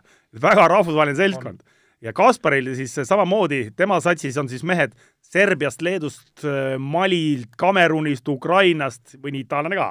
Et vaata, kus on ikka meie poisid, vaata, millised rahvusvahelises seltskonnas põrutavad ja, ja vaadake, kuidas need akadeemiad ikkagi mm, nagu toimivad, et, et võetakse sellistest, sellistest riikidest neid, neid mängijaid ja, ja otsitakse üle maailma, eks ole, et et, et no väga-väga-väga põnev värk ja, ja noh, olgu siis öeldud, et et äh, selle turniiri Madridi Real võitis siis finaalis Stella Surat ja, ja, ja no meie mees Veesaar sai mängida finaalis päris kas ma ei mäletagi, viis, viisteist minutit Midagi umbes ja, 16, ja 15, Kaspar Kuusma Ei finaalis minuteid ei saanud, aga no olgu öeldud ka tegelikult, et meie mõlemad, meie poisid on ju tegelikult aasta nooremad nii-öelda, et na-, nendel on tegelikult võimalus ka järgmine aasta mängida samal turniiril siis juba oma vanustega, aga ma arvan, niisuguse vägeva kogemuse nad said igal juhul nagu, nagu sealt, eks. Äh, absoluutselt, kindlasti see nii on, aga siinkohal on jälle see, et ma, ma tahtsin nagu seda mainida, et äh, vaata, me räägime, et äh, noh, meil on tulemas mingid talendid ja värk ja noh, nii ongi, et ongi tore, et kutid, kui nad mängivad nii-öelda noorte satsides sellistes, kes mängivad Euroliiga mingitel turniiridel finaalides, järelikult mm -hmm. ongi väga õiges kohas, väga heas kohas mm -hmm. ja, ja on andekad tüübid ka. aga näiteks sealsamas Madridi Realis on ju, kui sa nüüd tõid välja, seal oli üks vend, kes mängis ja kahe tuhande kuuendal aastal sündinud. sündinud vend, kaks, kaksteist pikk. kes äh, mängis, no ja see, see on see, see on see kontekst, et et me mõtleme küll, et meil on mingid jube andekad tüübid, on ju, ja, ja ongi andekad, aga tegelikult maailmas on selliseid No- vendi no, nagu küll ja veel, noh. absoluutselt, no ma räägingi, see Reali vend oli kaks, kaksteist, kaks tuhat kuus sünniaasta. no muidugi see sünniaasta tema puhul võib olla ka vale,. ta võib olla ka kaks tuhat, me ei tea seda. tõenäoliselt ongi kaks tuhat ta ei tea ise ka, ma arvan, kui vana ta on ja niisuguseid vendasid on veel, noh. et ma kunagi, vaata, ma vist rääkisin ka, et ma kunagi õnnestus ka seda noorteturniiri Gruusia- mingi Gruusia värk ei, oli ei, ei, Aa. ei, ja siis äh, Ma- Malagas oli see turniir. Ja siis vaatasin, Zagrebi Tsibona oli selline meeskond. Kuulus Horvaatia meeskond, kes osales ka seal turniiril. ja siis ma just, mul on see nagu elu lõpuni ilmselt jääb meelde, et, et siis just selles kontekstis, et vaata, et me räägime, et meil on siin mõni pikk ja andekas ja värk ja siis vaatad seda Zagrebi Tsibomanat, seal oli mingi kaheteistkümnest vennast umbes üheksa olid sellised nagu, nagu megatalendid, no kehaliselt just niisugune nagu kossumehe kujuga ja pikad ja värk, tead, niisugused vennad. et noh, et ikka vot, vot ongi täpselt just nende ne, ju, just selles mõttes, et noh, sellised kehad on seal ja, ja, ja no hirmuäratavad, mõned on juba niisugused mehe kehaga täitsa tead, niisugused no valmis panema juba põrutama, mis, mis igasel tasemel ja muideks selle turniiri MVP oli siis Erin Ndjaye on selle mehe nimi ja, ja, ja mees siis äh, ka kaks tuhat neli sündinud minu meelest. ta on äh, ja, ja, ja, ja ta mängib, ta mängib igapäevaselt siis Hispaania neljandat liigat ka, kuna Madridi Reali duubel noh, seesama Henry Vees, Need, nad mängivad noored mängivadki Jaa, seal, jaa, seal on mängivad- seal on üks vanem mees juures, aga ülejäänud no, kõik need nad nooremad. mängivad natukene meeste vahel ka seal, eks ole, seal oma, oma riigis, eks ole, ja, ja MVP keskmised näitajad siis sellel turniiril olid üksteist koma viis punkti, seitse koma kaks lauapalli. Ja Žalgiris oli ka sellel turniiril. Žalgiris oli ka ja lõpetas selle kolmanda jaa, seal oli esi-, mingi oli siis, nad mängisidki vist, et kumb saab finaali, äkki Realiga mängisidki või? ja, ja aga miks ma sellest MVP-st Jaiest tahtsin öelda, rääkida, siis ma lugesin ta kohta, et me, see on ka siis mees, kes läks Senegalist lahkus kolmeteistaastaselt, vaata, meil on ka see teema Eestis üleval ju tegelikult noh, kogu aeg jätkuvalt ikkagi, et et kas on õige välismaale minna, kui vanalt sa peaksid minema, on ju, meil on nii ja naa, on ju, vaata, käib ju pidev diskussioon kuskil sotsiaalmeedias igal pool, et ja kas on õige ja me treenerid ju isegi siin, minu arust Juka Toial on isegi treenerite siin toimkonnas vist nüüd viimasel ajal võtnud sõna sel teemal, et kas on ikka õige minna ja kuidas soomlased teevad. aga siis no näed, Madridi Reali Senegalist poiss läks läks sinna, kolmeteistaastased, aga mis tal teha ongi, et eks ei kuule, aga ära, ära võrdle nüüd Senegali ja Eestit, no selles mõttes ei no kuule, elatus. no mõlemad on parad arengumaad, Eesti ei, Kossust, ma... no vaadates selle Euroopa kossu, poole peal. Kossu mõttes sa võid küll öelda, aga ma mõtlen elustandardi poolest, et seal ei ole nagu, ma arvan äh,, ikkagi midagi võrrelda, et ei, seal no... Senegali vennad, no ongi, las nad lähevad sinna ära, õpivad mingi keele, õpivad, saavad normaalselt elada ja nii edasi. et ma arvan, et selles mõttes on seal ikka vähe teine ei no jaa, jaa, noh, no see selleks, see, see elu, elu, aga ma lihtsalt mõtlen, et no näed, et, et poiss ka, kolmeteistaastaselt lahkus kodunt, davai, lähen kuskile akadeemiasse Madridi sinna ja hakkan, hakkan kossumeheks ja näed, seal ta nüüd on ja ja, ja ka, et niisugune, aga, aga selle turniiri käigus mul tekkis küll mõte ja siin ma tahaksin Alarit natukene nii-öelda pommitada, et mis tema arvab ja noh, Ivar, sina ka, et mind pani küll mõtlema niisugune asi, et ma vaatasin seda Euroliiga turniiri ja ja kui sa vaatad just nende euro, noorte Euroliiga, vaata siis ma just mõtlen, et no näed, seal oli Kaunas Žalgiris oma selle poistega, et, et no ma tean, et Audentes on ju midagi säärast, minu arust kas üks aasta Audentes isegi mängis mingit Euroliigat Šiauliais, on mul õieti, Alar, meeles või? kuule, mingi Tšehhi sats oli ka seal praegu sellel turniiril. no see jaa, juhtus, siin oli selliseid asju, et, et vaata, et kui me praegu räägime, et siin eh, ju see Audentes on ju ka jälle seesama teema, et kuidas, kuidas ta saaks ikka Eesti korvpallile kasulik olla ja ja mis me peame sellega, selleks tegema, et sinna paremat kokku saada, siis ma ikka mõt-, noh, sellesama turniiri käigus ma mõtlesin ka, et noh, tegelikult oleks ju ülikihvt, kui seal oleks näiteks, saaks jala ukse vahele, noh näiteks, noh olgugi see Audentese Audentese, meie parimad pojad, kes siis Audentes on, saaksid sellist turniiri mängida, no oleks ju igavalt ja vahva. Täitsa nõus ja ütlen ausalt, kui ma olin korvpalliliidus, siis me seda asja ajasime ka ja, ja proovisime päris mitut moodi eh, jalga ukse vahele saada Audentest eh, sinna mängima. ja see ei õnnestunud, aga me nägime vaeva, et eh, päris paljude inimestega suhtlesime, proovisime kasutada ka meile teadaolevaid tagauksi ja ei saanud, ei võetud meid, ma mäletan aga, huvitav, mis need kriteeriumid on, kuidas sinna saada, sest seesama, see, ütleme, see Brno sats küll, või Tšehhi sats, aga ma lugesin ka, et see sai tegelikult asendus satsiga või keegi, ei, ei, vabandust, selles, selles Istanbuli etapil oli Bursa Tofa see duubelmeeskond, aga kes sai siis nagu selle koha tänu sellele, et üks Pariisi meeskond jäi tulemata, sellel Pariisi meeskonnal ilmselt noh, kõik me teame, see koroonavärk ja asjad, kuna nende asemele sai siis, aga huvitav, mis need kriteeriumid üldse on, et kuidas, mis me peaksime tegema selleks, et tõesti niisugune võimalus üldse tuleks? no ma sain aru, et ega ta lihtne ei ole, et äh, mm, Nad teevad valikuid teatud, no ongi jällegi siin raha mängib rolli, eks see on ju suuruste järgi, mingeid talente vaatavad, et kas sul on neid mingisuguseid uusi Luka Dontšitseid satsis või ei ole ja ja nii edasi ja me tegime mingeid kirju ja ma mäletan Visna veel, palusin Visnapuul kokku panna mingi paberi, ta nägi päris palju vaeva sellega, lõppkokkuvõttes tolku ei olnud. et äh, no ma tulen tagasi pigem nagu ütleme sellesama, et oot, rääkisime siin enne Kotsarist ja nüüd Veesaarest ja nii edasi, et et äh, kui meie nii-öelda bränd või äh, ütleme siis, kuidas ma noh, ütleme, maine tõuseb korvpalli mõistes äh, Euroopas läbi nende mängijate, siis kindlasti tulevikus on see võib-olla lihtsam. too hetk, kui ma korvpalliliidus neid asju ajasime, siis ma ütlen, ei nii ametlikke teid kui ka mööda tagatube äh, meil see ei õnnestunud, võib-olla nüüd uuel juhatusel kellelgi on paremaid seal sidemeid, võib-olla nüüd õnnestub, aga too hetk ei õnnestunud, jah. ja ükskord mängis see, ma isegi ei tea, kuidas see juhtus, aga see oligi ühekordne äh, selline, kus oli jah, Leedus oli see etapp ja minul teada, mul on meeles mängis. nagu Šiauliais oli see etapp ja kuidagi vist. ja Audentes mängis, ega neil seal vist väga hästi ei läinud ja, ja, ja see oligi üks ja ainus kord, kui, kui Audentes sai seal Euroliigat mängida. et see on minu arust nagu, nagu põnev teema, noh, tegelikult kui me siin vaata, räägime siin, nüüd on meil suur peatreener Soomest, Jukka Toiala, eks ole, siis noh, tegelikult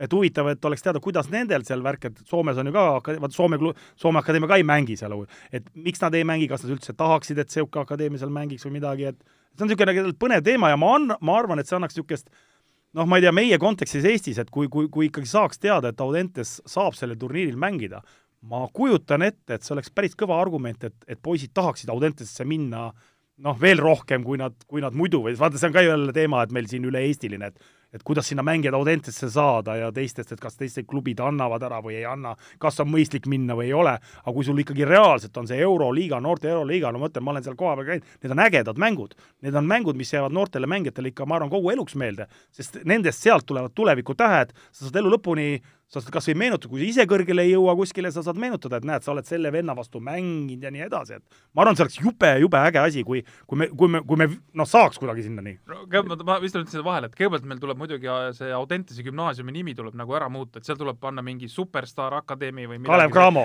ei, ei, ei, no lihtsalt mingi niisugune võimas nimi tuleb panna sinna esiteks, on ju, mingi akadeemia. no jaa, jaa, no see on, see on, see on juba niisugune no, ja siis saab samu... hakata müüma, me läheme sinna mingi Audentese spordigümnaasium. no jaa, aga no mis see Brno mingisugune klubi, ega see ka ei ütle sulle midagi, aga fakt on see, et nad seal kohal olid, mängisid, on ju, ma arvan, ikka vägev kogemus sellele, sellele Tšehhi klubile igal juhul nagu noh. ei no ma olen, Gert, äh, rohkem kui sada protsenti sinuga nõus ja ja ma ütlen, me proovisime ja tõesti igasuguseid huvitavaid telefonikõnesid tegime ka.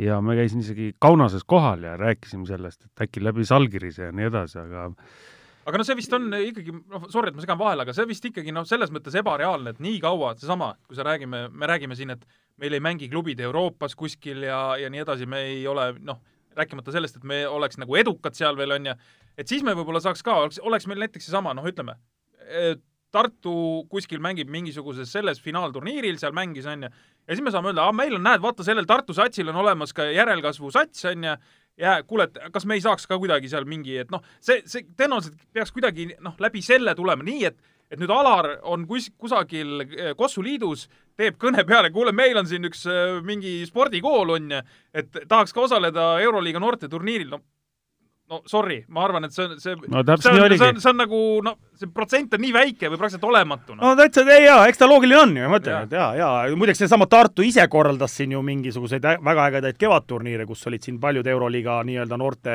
farmklubide satsid siin, tean, Tel Avivi Maccabi ja, ja, ja, ja noorte üle-eelmine aasta vist olid, olid Žalgirise noored olid siin ja, ja mingi eri vanuses, et su poiss mängis omal seal ja, ja, ja, ja, ja täpselt, täpselt, et, et oli, aga, aga, aga jah, ma ütlen, et aga aga, aga jah, niisugused mõtted lihtsalt tulid pähe, kui sa neid noortemänge vaatasid ja mõtlesid, et no vot, see on, see on jälle see asi, mis tegelikult on puudu meil, eks ole, et, et oleks ju äge. ei, ülikõva oleks muidugi, muidugi. ülikõva, aga olgu siis selle teema lõpetuseks ka öeldud, et siis eh, finaalturniir siis eh, nende võistkondadele, kes siis sinna Final Fouri saavad, toimub siis samal ajal selle õige meeste Euroliigaga, kahekümne seitsmendast kolmekümnenda maini Kölnis, Saksamaal, ehk siis Henri Veesaar ja, ja Sats, et Eesti korvpall on seal esindatud noorte Euroliigas ja, ja põnevusega kindlasti vaadata. Stella Azzurra võib ka sinna saada, seal on minu meelest nii, neli alagrupi võitjat ja, saavad, pluss neli kutsutakse. jaa, jaa, et seal on, mine sa tea, võib-olla veel, veel ma arvan, et Azzurra saab ka sinna, jaa, et elame-näeme. oleks, oleks äge, nii et, et igal juhul, igal juhul põnev, põnev, põnev värk.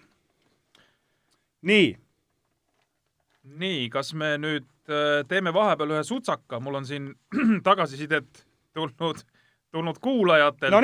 no üks asi muidugi, mis äh, tagasisidet sai, oli see kuskil see, kuskilt, ma ei tea, kuskohast see idee tulnud, et mees tuhlas oma kappe ja, ja mõtles, mõtles, et paneb mahlamüts Kevin Garnetti särgi või ei, vormi. aga rõõm on tõdeda, et, et, et ikkagi vastukaja tuli või? tuli, tuli. aga nii, nii, Maarja kirjutas niimoodi. nii kuule, et see mahlamüts Garneti särki ma ei taha. aga kui Kullamäe otsiks välja kapis särgi ja paneks sinna oma autogrammi peale, oleks teine tera, siis võiks teha kaupa. kes ta on, Mario? Mario, jaa, no no tervitused Mariole, ei jaga asja, vaata. kelle särk müüb, kelle särk mitte, vaata. mees jagab asja on ju, Alar? nii, kuule, aga on sul kapis oma, oma särke veel? no eks ikka on igasuguseid erinevaid särke, aga ma muidugi kõike, kõike vaata ei tahaks nagu ära anda või tead niimoodi, aga üht-teist ikka on ja neid on igasuguseid, ma tean, aastate jooksul on ju, on mängitud igasuguseid erinevaid mänge ja igasuguseid allstar mänge ja ja tähtede mänge ja vaata Eesti-siseselt on siin ärasaatmismänge olnud ju siin, keda me oleme ära saatnud siin Müürsepad ja Andre Pärna ja, ja, ja, ja Kuusmat, Kuusmat ja, ja Toroninit ja, ja, ja nii et noh, ühesõnaga, eks neid igasuguseid, vot niisugust, niisugust, niisugust manti on kõvasti, nii et jaa, kirjutage Ivarile, kui on mingit soovi, mina leian küll midagi ja ja ma ütlen täitsa, nüüd ma ütlen ilusti, et need võivad autogrammi ja tasuta, et ma võin kingitusi teha küll, et äh, ei, ei ole hullu, kui kedagi huvitavad. ole nüüd ettevaatlik. ja see nüüd tuleb laviin peale, kuule, ma kir-, ütlen kohe ära, et tegelikult ei no kui tuleb hästi palju tahtjaid, siis ma hakkan oksjoni korraldama kui on vähe, siis ma annan ära. jaa. nii, oota. veel. mis veel? enne, enne kui läheme Alarile suunatud küsimuse juurde, tuli veel üks selline lõbus vahepala meile. nii. nii, Meelis küsis sellist asja. kelle te valiksite, kui teil on, tehakse selline ettepanek, ühe viskega miljon eurot. ühe viskega miljon eurot kolme punkti joone tagant, kelle te valiksite viskama, kui ta sisse paneb, saate teie miljoni. on ju, sa pead võtma väga kindla venna, on ju, teab, noh, et ei hakka väristama, no miljon tuleb, on ju, saad aru? nii, ja siis ta pakkus välja mõned nimed ka. nii mm., noh? niisugused imelikud nimed olid mõned, keegi Kullamäe, keegi Saage, keegi Jordan, Karri, Hallik ja siis oli varuvariant, et las äh, Ivar visk- või Ivar viskab vabaviset, mitte kolmest mm. -hmm. et minu arust nagu noh, täiesti ala, alahinnatud, ütleme onju. ja Varrak viskab lay-up'i või? ei, Varrakul ei olnud üldse, et tema ei saanud üldse nagu listi onju okay.. noh, meile mõlemale tehti liiga mm, -hmm. eks ilmselgelt.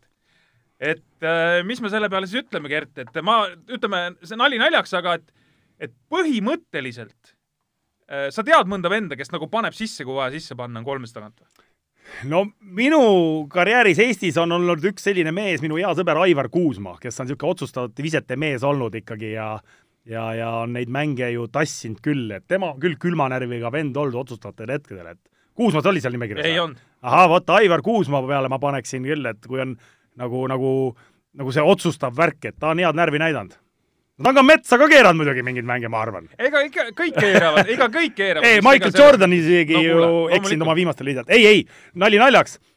Aivar Kuusmaa on küll niisuguse, tegelikult niisugune hea närviga oli omal ajal küll, kui, kui, kui võttis otsustavaid asju, ma mäletan, silme ees mõned otsustavad mängud niisugused, aga kas Kuusmaa kolmene või minu vabakas oh,?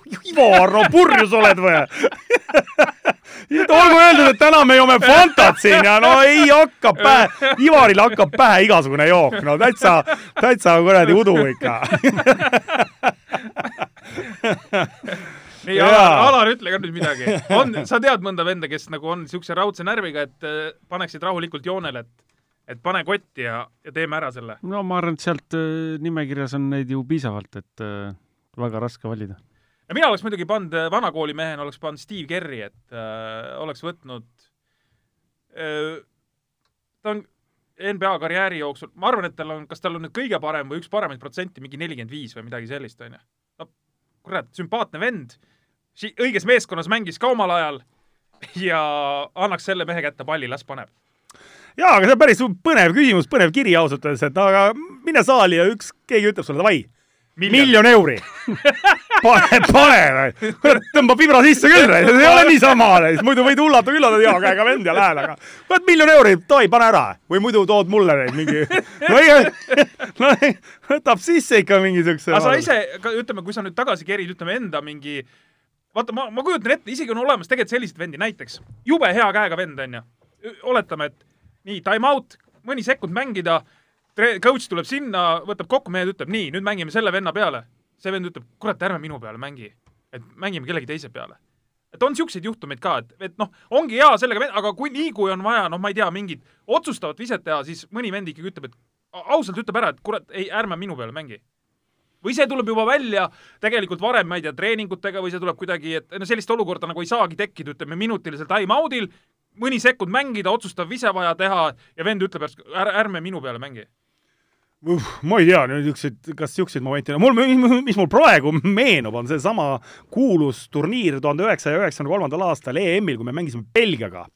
Kui meil olime nii, et meil oli mingi mõned sekundid mängida, me olime taga, tead, ja Salumets võttis time-out'i, Salumets võttis time-out'i vot mul ei ole meeles, mida Salumets meile seal seletas või rääkis, aga mul on küll meeles, kuidas Kuusma ütles, et kuule, anda pall siia, ma olen, anna, ma, mina viskan välja, Marga, sa jookse, panen pika söödu ja pane alt ära, tead, mingi a la midagi niisugust on mul meeles seal time-out'il. ja täpselt nii juhtuski, et kes mäletab seda korvpalli ajaloost, see Kuusma pikk sööt sinna ja Marga lõpetas ja mis tegelikult see korv nagu tähendas meile ülipalju, et nii-öelda tänu sellele ei no sellega saitegi edasi tänu, muidu oleks ära lõpetatud. meil oleks EM ära lõppenud, aga tänu sellele viskele meil oli, on see ilus lugu, et me oleme ju ikkagi Euroopa Euroopas kuuendaks tulnud, on ju, aga mul on jah kuidagi hämmas, vot ei mäleta kõiki asju, nii, nii palju aastaid möödas. aga ühesõnaga, kui sa ütlesid, anna pall mulle. Salu, aga mul on meeles kuidagi jah nii, et Kuusma nagu seal midagi suunas seda, et kuule, mina viskan välja ja Margo, sa pane jooksu ja, ja, ja nii ta läheb ja nii tuli, et mul on kuidagi niimoodi see asi meeles, aga aga jaa, et aga ma noh, niimoodi otseselt sinu küsimusele, et mida sa, et, et noh, niimoodi noh, võib-olla kui hakata niimoodi meenutama niimoodi, et siis tuleb mingi hetk. kuulge, aga mehed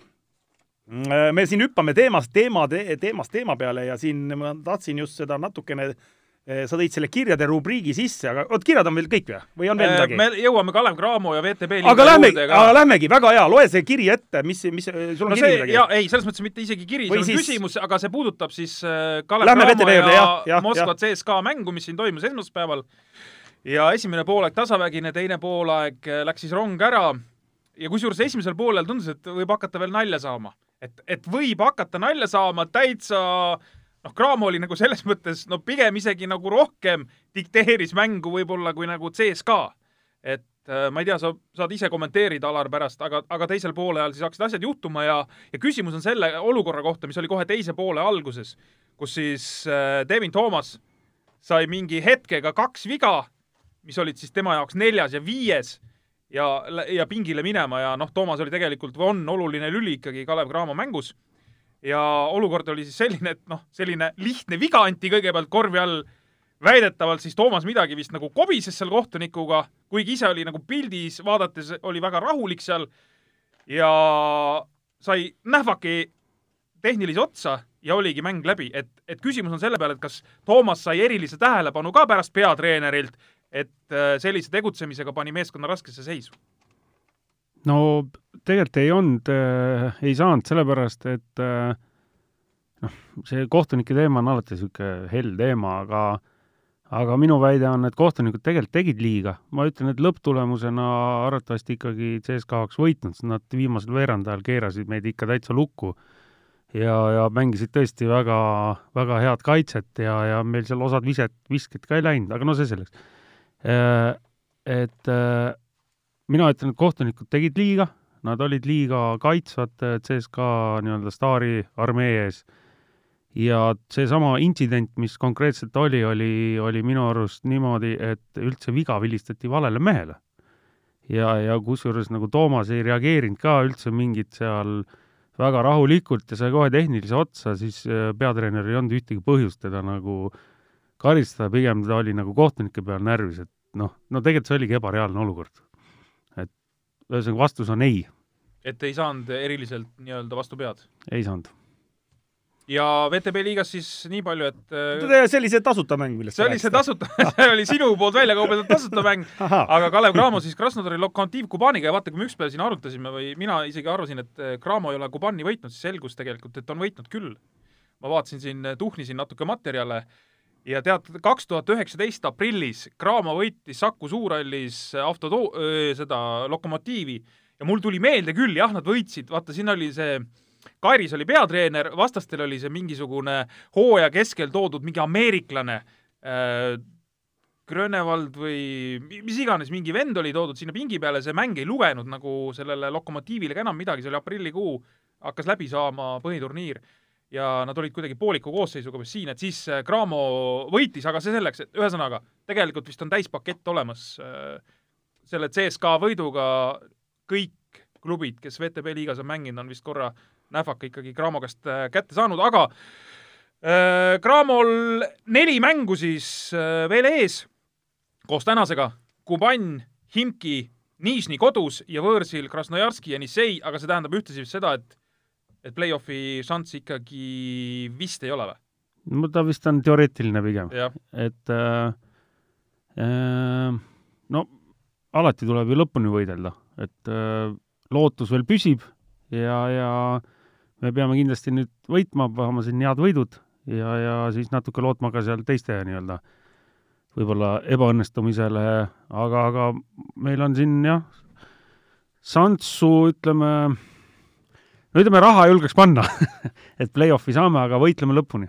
kuule, aga on, mis on, aga see Himki pange ikkagi kotti ära. no teistele võite isegi tead, noh, las see, las läheb, aga no kui Himkile ära paneks, seda saaks müüa jälle, on ju, Gert? jaa, Imkil uus treener ja, ja vahepeal on ju veel üks klubi jäänud ilma peatreenerita, et kui me VTB-st räägime, et alati on põnev jälgida siis, kuidas treenerid töö kaotavad. on ju, Alar mm? -hmm.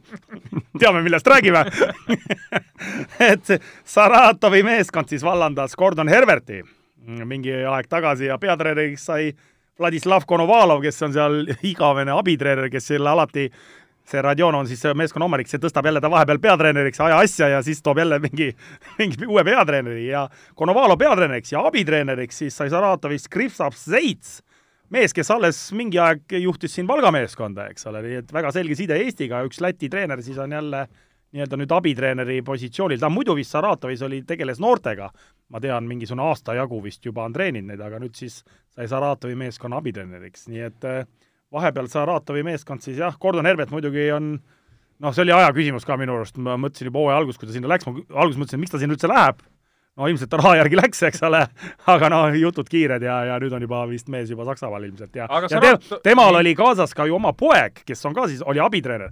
nii nagu mõnes mõttes Rimas Kurtinaitis, kes oli Imkis, kes siis võttis abitreeneriks äh, ka oma poja nii-öelda, endise ekskorvpalluri, eks.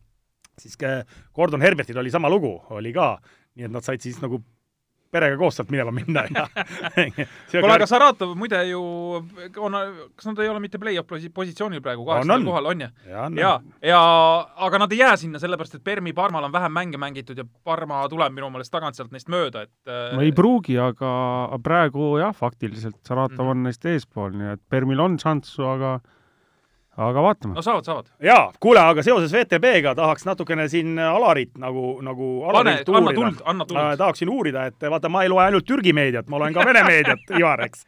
ja mis ma loen äh, Vene meediast välja, et äh, sellel vennal on aega, no see on uskumatu. et äh, üheksas aprill kuni üksteist aprill toimub Final, Final Eight siis VTB noorteliigas ja vaata, ma hakkasin seda asja nagu põnevusega uurima, et mis, mis värk see on, et kas sa, Alar, üldse tead, et äh, see on U kakskümmend üks turniir VTB satsidele, aga ma ei ole äh, no vot, äh, see on kuidagi läinud meil siin mööda, et Kalev Cramol ju ometigi ei ole meeskonda, kes sellisel turniiril osaleb, aga ma mõtlen, et miks see nii on ja kas sellel oleks võib-olla point, et kui me en-, ennist rääkisime siin Euroliiga nii-öelda noorteturniirist, siis tõesti selline turniir on olemas nagu VTB noorteliiga, ja, ja toimub see siis, see turniir, see üheksa kuni üksteist aprill ähm, Sankt-Peterburis, kus siis kaheksa paremat meeskonda saavad omavahel kokku ja, ja, ja mina ütlen ausalt, ma lugesin sellest ja ma kuulsin sellest esimest korda. oskad sa, Alar, midagi sellest turniirist rääkida või on, kas, kas te olete ka arutanud a la mingit, et võiks seal osaleda? Või? no see liiga tegelikult on juba, see ei ole üldsegi uus liiga, see on juba päris pikk. aga meie meedias sellest pole nagu väga kirjutatud? ei, ei olegi kirjutatud. seoses, seoses Craamoga ma just mõtlen. jaa, ei olegi kirjutatud, aga tegelikult seal ei osalegi ju eh, need eh, väljaspool Venemaad eh, osalevad noortesatsid, see on tegelikult ikkagi Venemaa siseasi, põhimõtteliselt on nad siis nagu Venemaa meistrivõistlused ja seal on ka mingi, ma nii täpselt neid reegleid ei tea, minu arust see on, U kakskümmend üks turniir, ma lugesin, kuni, kuni kahekümne ühe aastased mängid siis. jah, et see on nii-öelda siis äh, noh, ma, ma ei ole täpselt aru saanud, minu arust on nagu a la mingi U kakskümmend, sul võib olla seal U kakskümmend poisse juures seal mingi arv ja kuidagi niimoodi oli see kunagi minu arust.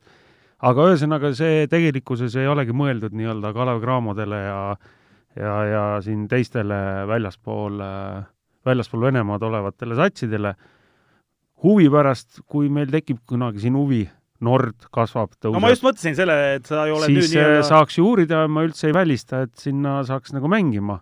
ma lihtsalt ei usu, et sa siis saad medalit sealt, kui sa, ütleme, tuled medali kohale, et sa siis no seda peab uurima, aga no, see, praegu see, see lihtsalt oleks nagu järsku, järsku jälle mingi väljundi variant noortele korvpalluritele, kes siis saaksid nagu nii-öelda, ma ei tea, rahvusvahelisi rahvusvahelisi mänge, eks ju. ja, ja, ja noh, aga samas aga... on need igasugused eiblid ja asjad ka, et kus needsamad Vene klubid ka osalevad, et ja, ja et äh, ühesõnaga, ma ei näe täna praegu, ütleme a la siis Cramo duubli niisugusel tegemisel ja sellel pointi, kui, kui tekib võimekust rohkem, lapsi rohkem, häid, häid poisse rohkem äh,, raha rohkem, siis tasub täitsa mõelda, et see oleks üks alternatiiv. jaa, aga tore tõdeda või noh, nagu üllatav, kui sa loed, et niisugune liiga, et noh, tegelikult mina ei teadnudki, et selline liiga üldse on olemas ja, ja VTB nime all ta tõesti nagu tegutseb, et VTB mingisugune noorte no eks nad on nende VTB alla sinna pookinud igasuguseid asju, vaata vahepeal oli ju see üliõpilasliiga, mida TalTech kaasa Jaa, mängis ka ja see oli ka poogitud jaa. VTB juurde. seal võitja sai vist final no, Euroliiga seda just, vaatama jaa, minna turniiri. no eks nad, tead, see mm, Mhm. -hmm. noh, see VTB-ga lihtsalt käivab kaasas, nad üritavad sinna nii-öelda juurde tekitada mingisuguseid noortega seotud asju ja, ja noh, eks ta tegelikult peabki nii käima, et äh, ega Eestis samamoodi, et äh, kogu selle nii-öelda selle asjaga, mis on kõige rohkem pildis, ütleme siis meisterliiga või mis iganes, on ju, et siis äh, sinna tuleb tekitada ka selline äh, nii-öelda platvorm äh, nende noorte jaoks, et nemad jääksid ka läbi selle silma, mingid asjad toimuvad koos, mis iganes, on ju, ja, ja et see masinavärk nagu paistaks välja selline ühtse tegutsemise. nii on jah. no nii, mehed, aga nüüd vist siis äh, no pane oma Läti minutid hakka, ära. hakkame siis kuidas on see, mis ma ütlesin, Delfi Balti ja Delfi Balti teeme mingi siia. Delfi Balti alustab, nii. et siis on see siis minu rubriik, kus ma siis otsin ähm, korvpalliuudiseid meie naaber, naaberriikidest. täna ma üllatan teid, poisid. ja ma siis, me oleme selle siis nagu eelmises saates juba nagu saite aru, siis äh, ma otsin, otsin siuksed põnevad teemad, mida ma loen ja mida siis saaks nagu Eesti korvpalli kontekstis arutada ja ma tahaksin siis teie arvamust ka nii-öelda kuulda. ma, ma korra lihtsalt segan vahele. No mul tuli naljakas asi meelde, ma kuulsin ühte intervjuud, üks poliitik ütles, meie naaberriik Poola. Nüüd sa pead hakkama Poolat ka vaatama, et sa vaatad Läti, Leedu, nüüd pead Poolat hakkama ka vaatama. ei, ma ei hakka Poolat vaatama, kuna on see Delfi värk, siis ma ikkagi, ikkagi okay. vaatasin eh, korvpalli, korvpalli Delfit nii-öelda Lätis, Leedust Okei. okay. ja alustan kohe Lätist. ja nii, et kui me siin eelmises saates ka rääkisime, et Läti on eh, mees, korvpallimeeskond, eh, koondis on siis omale peatreeneriga otsingutel, siis nüüd on need lõppenud selleks ajaks. ja treeneriks siis ei ole keegi muu kui mm, Bianchi. Luca Bianchi, jah, ja, ja see on siis Itaalia, Itaalia mees mm, ja tuletan siis Kossu sõpradele lihtsalt meelde. viiekümne viie aastane ja, ja väga, väga lähedane side on tal siis Eesti korvpalliga. jaa, Kristjan Kanguriga, et, et see hooaeg siis kaks tuhat kolmteist, kaks tuhat neliteist, Kristjan mängis Milano Armanis ja jõudsid siis Euroliigas ka veerandfinaali, me siin omavahel juba seda meenutasime, et seal küll jäid alla mängudega üks-kolm Tel Avivi Maccabile, kes siis hiljem pani ka selle aasta või to, tolle aasta Euroliiga kotti, aga et äh, äh, Luca Bianchi oli selles mõttes, mul õnnestus sellel hooajal seal käia Milanos ka, oli selles mõttes väga noh, nii-öelda, kuidas ma ütlen, nagu Kristjani jaoks kõva treener. et äh, äh, Kristjanil oli seljahäda, juba vist teada seljahäda eelmise hooaja lõpust, aga vaatamata sellele Bianchi noh, teadis, et mis, mis rolli ta on võimeline täitma ja kutsus ta ikkagi sinna Milano Armanisse, ta liikus minu meelest, kui ma nüüd ei eksi, siis see treener liikus nagu Siena Montepaskist, liikus nagu Milanosse. Ja kuna nad olid juba eelmisel hooajal Kristjaniga koostööd teinud, Kristjan oli ka Sienas, siis äh, nii-öelda kutsus ta sinna kaasa, aga ta teadis, et tal on juba see seljahäda ja esimene poole, esimene pool, no ta maadleski selle seljahäda, tal oligi, ma ei, äkki ta käis isegi lõikusel sügisel ja, ja vaatamata sellele, treener võttis ta sinna kaasa ja noh, oli, oli selline nagu väga hea side, mulle tundub, nende, nende vahel, peatreeneri ja mängija vahel siis. ja lõppkokkuvõttes äh, tegid tol hooajal ka päris hea töö, kuigi siht oli muidugi Final Four, mis peeti Milanos, eks. sinna nad ei pääsenud, aga noh, tule sellest kadalipust läbi sealt äh, Euroliigast ja jõua nelja hulka, eks. ja, ja no mees on juhendanud siis ju täitsa, täitsa ägedaid satsi, Siena, Montepaschi, Milano, Bamberg, Kuban ja nii edasi ja nii edasi ja praeguseks hetkeks Itaalia koondis ka. Itaalia koondis ka ja praeguseks hetkeks töötab siis Ameerikas G-liigas, on seal abitreener. kusjuures tema peatreener, mees, kelle juures ta töötab, on, on, on kas kolmekümne kahe, kolmekümne kolme aastane ja, ja hu- huvitava, huvitava inter, intervjuu siis see Itaalia treener andis ja ütles, et see ei tähenda midagi, et ma olen ise viiekümne viie aastane ja et olen noore treeneri noore treeneri abitreener, et, et äh, iga treener õpib, õpib kogu elu, et, et äh, no üks asi on õppimine, teine asi on kindlasti sa saad kogenud mehena ka toetada nii-öelda nooremat treenerit, eks. ja, ja, ja seal, seal oligi siis seal, kes me eelmises saates juba rääkisime, kes tal need kandidaadid olid, viimasel hetkel oli kandidaatide ringis ka Jaanis Kailitis, Riia VEF-i treener, kõikide treeneritega siis vestlusvoorud olid, aga siis lõpuks siis korvpalliliit tegi otsuse, et võtavad selle itaallase ja päris huvitav valik. ja huvitav valik ja, ja, ja noh, noh, siin me vist rääkisime ka, et eh, ikkagi nagu kostub läbi see, et nemad ikkagi pigem otsisid küll niisugust nagu aknatreenerit, et et tuleb, aga, aga, aga nagu Luka Pantši ise ütles oma, oma intervjuus ka, et ta ikkagi tahab ka saada tuttavaks nende noortekoondiste treeneritega ja, ja mis seal madalamal pool toimub ja, ja kuidas ta seda näeb, seda, seda meeskonda komplekteerimist, et, et ikka, et ka kõik paremad ikkagi saaksid koondisse ja, ja, ja tegeleda ja hoida nii-öelda kätt pulsil, nii et nii et see mees hakkab siis juhendama, nii et loodetavasti Eesti ja Läti siin, kui mingit ühte alagruppi kunagi ei saa, mingit siis mingit sõpruskohtumist ikka saab pidada, nii et võib-olla õnnestub seda meest näha ka siis koondisega Eestis. aga mõtle, mõtle treeneril ka, et ühest küljest okei okay,, praegu on nagu Lätil halb seis, nad ei saanud Euroopa meistrivõistluste finaalturniirile ja nii edasi, aga kui sul pannakse nimekiri ette Läti mängijatest, kuule, no ühesõnaga, et me otsime peatreenerit, vaata, või noh, kas pannakse ette või ise otsid kusagilt või vaatad seda mängijate nimekirja, kes siis nagu reaalselt nagu võiksid koondisesse tulla, on päris huvitav, et kurat, kuule, väga kihvtid nimed, väga kihvtid klubid, mingi potentsiaal, no et, et äh, täitsa võib pirn põlema minna, eks. jaa, jaa. nii, teine uudis, ma, ma, ma ütlen kohe ära, et ma nagu kolm uudist loen Lätist teine uudis siis. Lätist kolm uudist? Lätist kolm uudist. varuge aega, varuge aega. ei, ei, need on kõik, kõik on väga-väga-väga väärikad, väärikad asjad, millest tasub siin rääkida.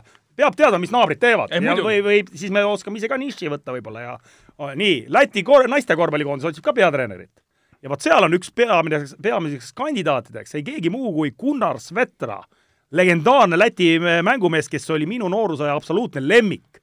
Ja sellest mehest on saamas äh, tõenäoliselt Läti koondise naiskonna treener, kes muideks on ikka väga pikalt naiste korvpalli juures olnud ja muideks Kris- äh,, Alari lemmiklinnas Jekaterinburgis on mees pikalt töötanud, naiste Euroliigas töötanud ja praegu töötab Poola Poolale siis Euroliiga naiskonna peatreenerina ja see on huvitav mängumees selles mõttes, et tema on nagu, ta meeste korvpallis on ka olnud, ta on Ventspilsi peatreener olnud mingi, mingi aasta, kas see oli kaks tuhat üksteist, kaks tuhat kaksteist oli Ventspilsi peatreener, aga üldjuhul, kui tema mängimise lõpetas, alustas treeneritööd, siis ta on nagu naiskondade treener olnud ja väga kõvade naiskondade treener. ja nüüd siis Läti koondises ka üks peamisi kandidaate nii-öelda siis Läti naiskonna peale tead seda meest üldse, Alar või? noogutad, noogutad siin niisama või? oled kuulnud üldse sellist nimest midagi või? tead, mul on õnnestunud ühe laua taga istuda. aa, mis tegite seal? E, tõstsite midagi või? tõstsite midagi või?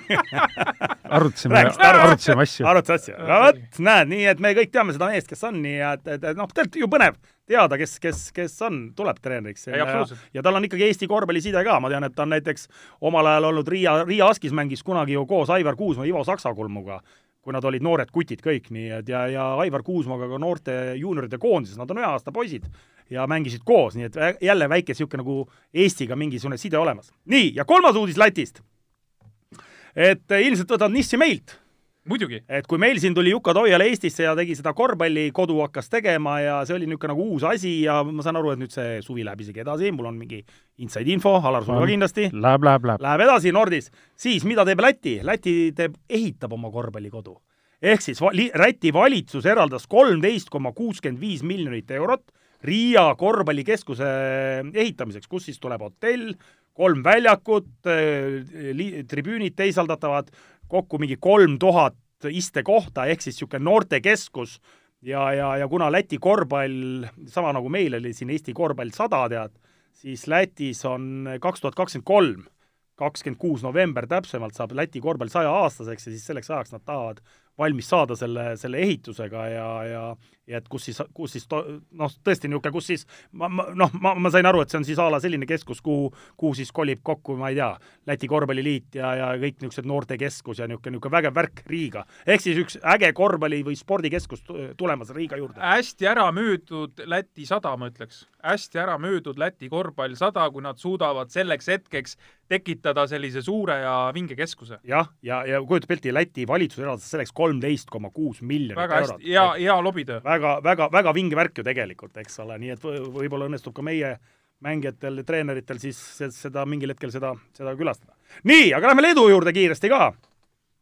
ka naabrid meil. ja, ja, ja jällegi Eestiga väga selge värk, et eh, teadupärast EM on tulekul, eks ole, ja, ja alagrupid hakkavad varsti loosimine, alagruppide loosimine on, aga Leedu on juba ära valitud ja, ja Saksamaa siis on see riik, kes valis Leedu enda alagruppi. jaa, tuletame meelde siis, et äh, järgmise aasta Euroopa meistrivõistluste finaalturniir, neli riiki korraldavad alagruppe Saksamaa, Tšehhi, Itaalia, Gruusia.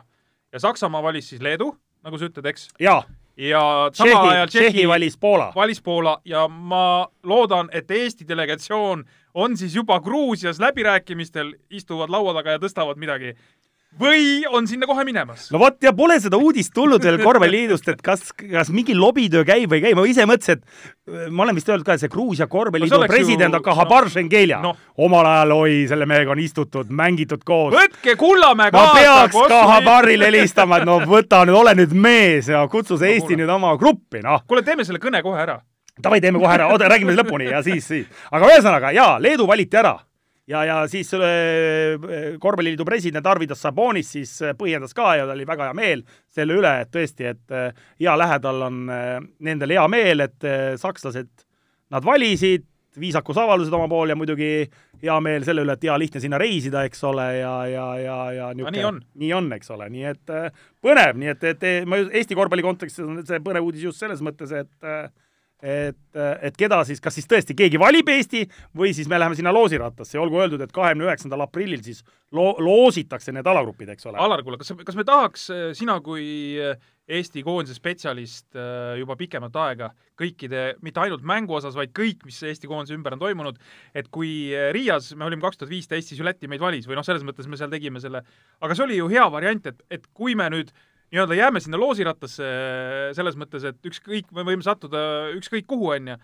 et siis äh, noh, võib-olla, võib-olla ikkagi ei ole nii hea või? peaks ikkagi ära kruttima, et saame selle Gruusiaga ühte, ühte alagruppi no Gruusia oleks, ma arvan, kuidagi, ta ei oleks paha variant, kas valituna või loosirattana, ma ei oskagi öelda, et äh, ma arvan, et päris suur hord Eesti fänne läheks sinna kohale. ja mängulises mõttes ei oleks ka paha Gruusiaga mängida ju.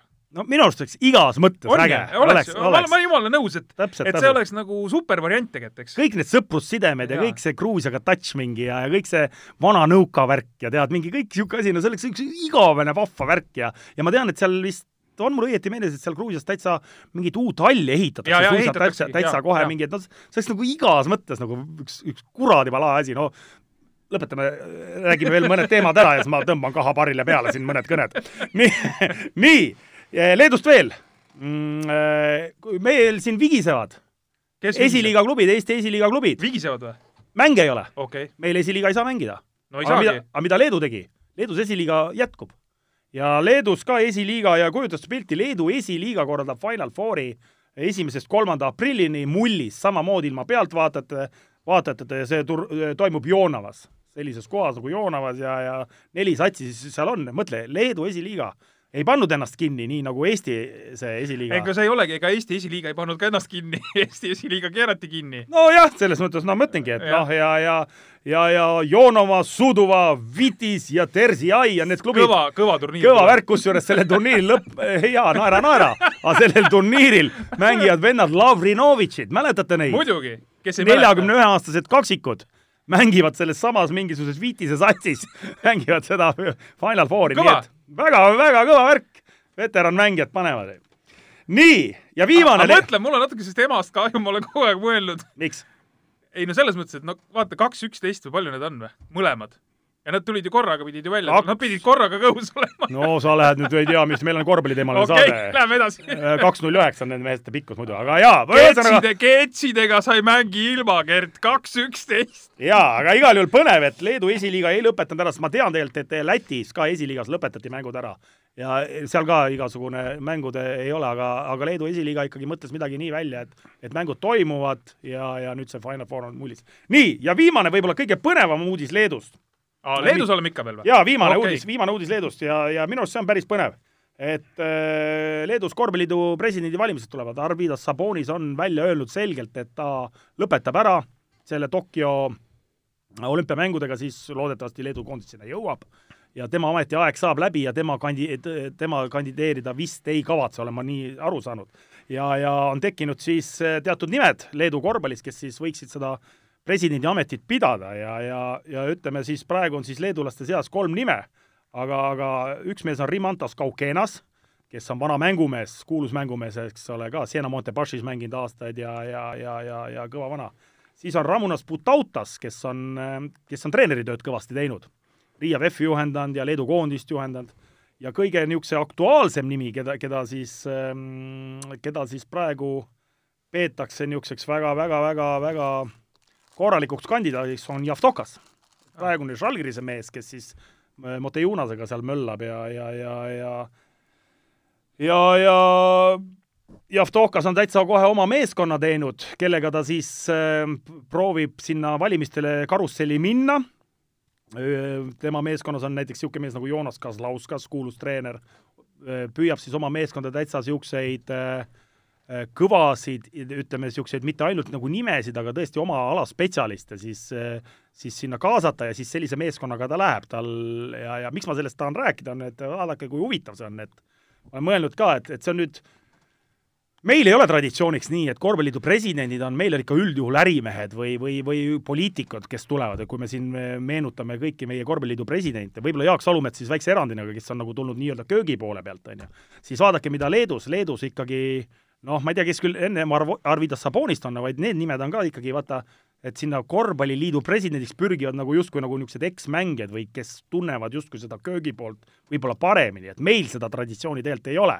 Et meil ei ole, ma ei tea, Heino Enden, Tiit Sokk, Martin Müürsepp ei ole kandideerinud veel nii-öelda korvpalliliidu presidendiks, et meil üldjuhul vaata on ju tegelikult eh, noh, nagu praegugi sai, sai uus president, on siis leedukad võtavad nagu seda asja kuidagi nagu teistmoodi, eks ole, et nemad justkui usaldavad seda esindusnime mängijate no vot, see on kahepoolne selles mõttes, et, et seal peab olema see soov ka, et nendel ja, ja, inimestel peab olema see soov, soov ka, ja no eks päeva lõpuks see peabki olema ikkagi selline nimi, kes suudab neid sponsoreid sinna tekitada Kindlasti. ja, ja, ja seda rahastust on ju, rahastusmudelit sinna juurde tuua, eks ole, nii et et põnev saab jälgida, ma hoian teid poisid kursis, kuidas need valimistel, mis, milliseid nimesid sinna veel nagu, nagu lisandub, aga see on praegu jah, niisugused, niisugused äh, niisugused, niisugused nimed, kes siis nii läbi käivad. nii, ja väikse boonusena, poisid, viimane rubriik, kuna meil tuli kiri kas sa jõuad eh, teha vahepeal ka abitreeneri tööd? jõuan, jõuan, ma jõuan kõike, jõuan, jõuan kõike. kuna meil tuli kiri, et eh, mis te siin Eesti, Läti, Leedu, et miks mitte Soomet puudutada, siis no austusest Jukka Toiala vastu võtame siis mõned uudised ka spordi Soome sealt ja ma uurisin, uurisin natuke, et mis siis Soomest, mis võiks olla nagu Eesti korvpalli kontekst ka, et mingisugune, et mida siis Soomest välja uurida, siis ega väga palju ei saa. väga palju räägitakse Soomes kuskil korvpallimeediast nendest, kes seal mängivad, kes seal on NBA-s kuskil, kes seal mängib, kuidas seal Soome liigas on, see vast ei huvita Eesti korvpallipublikat. aga küll peaks huvitama selline asi ja ma teen siin nüüd reklaami.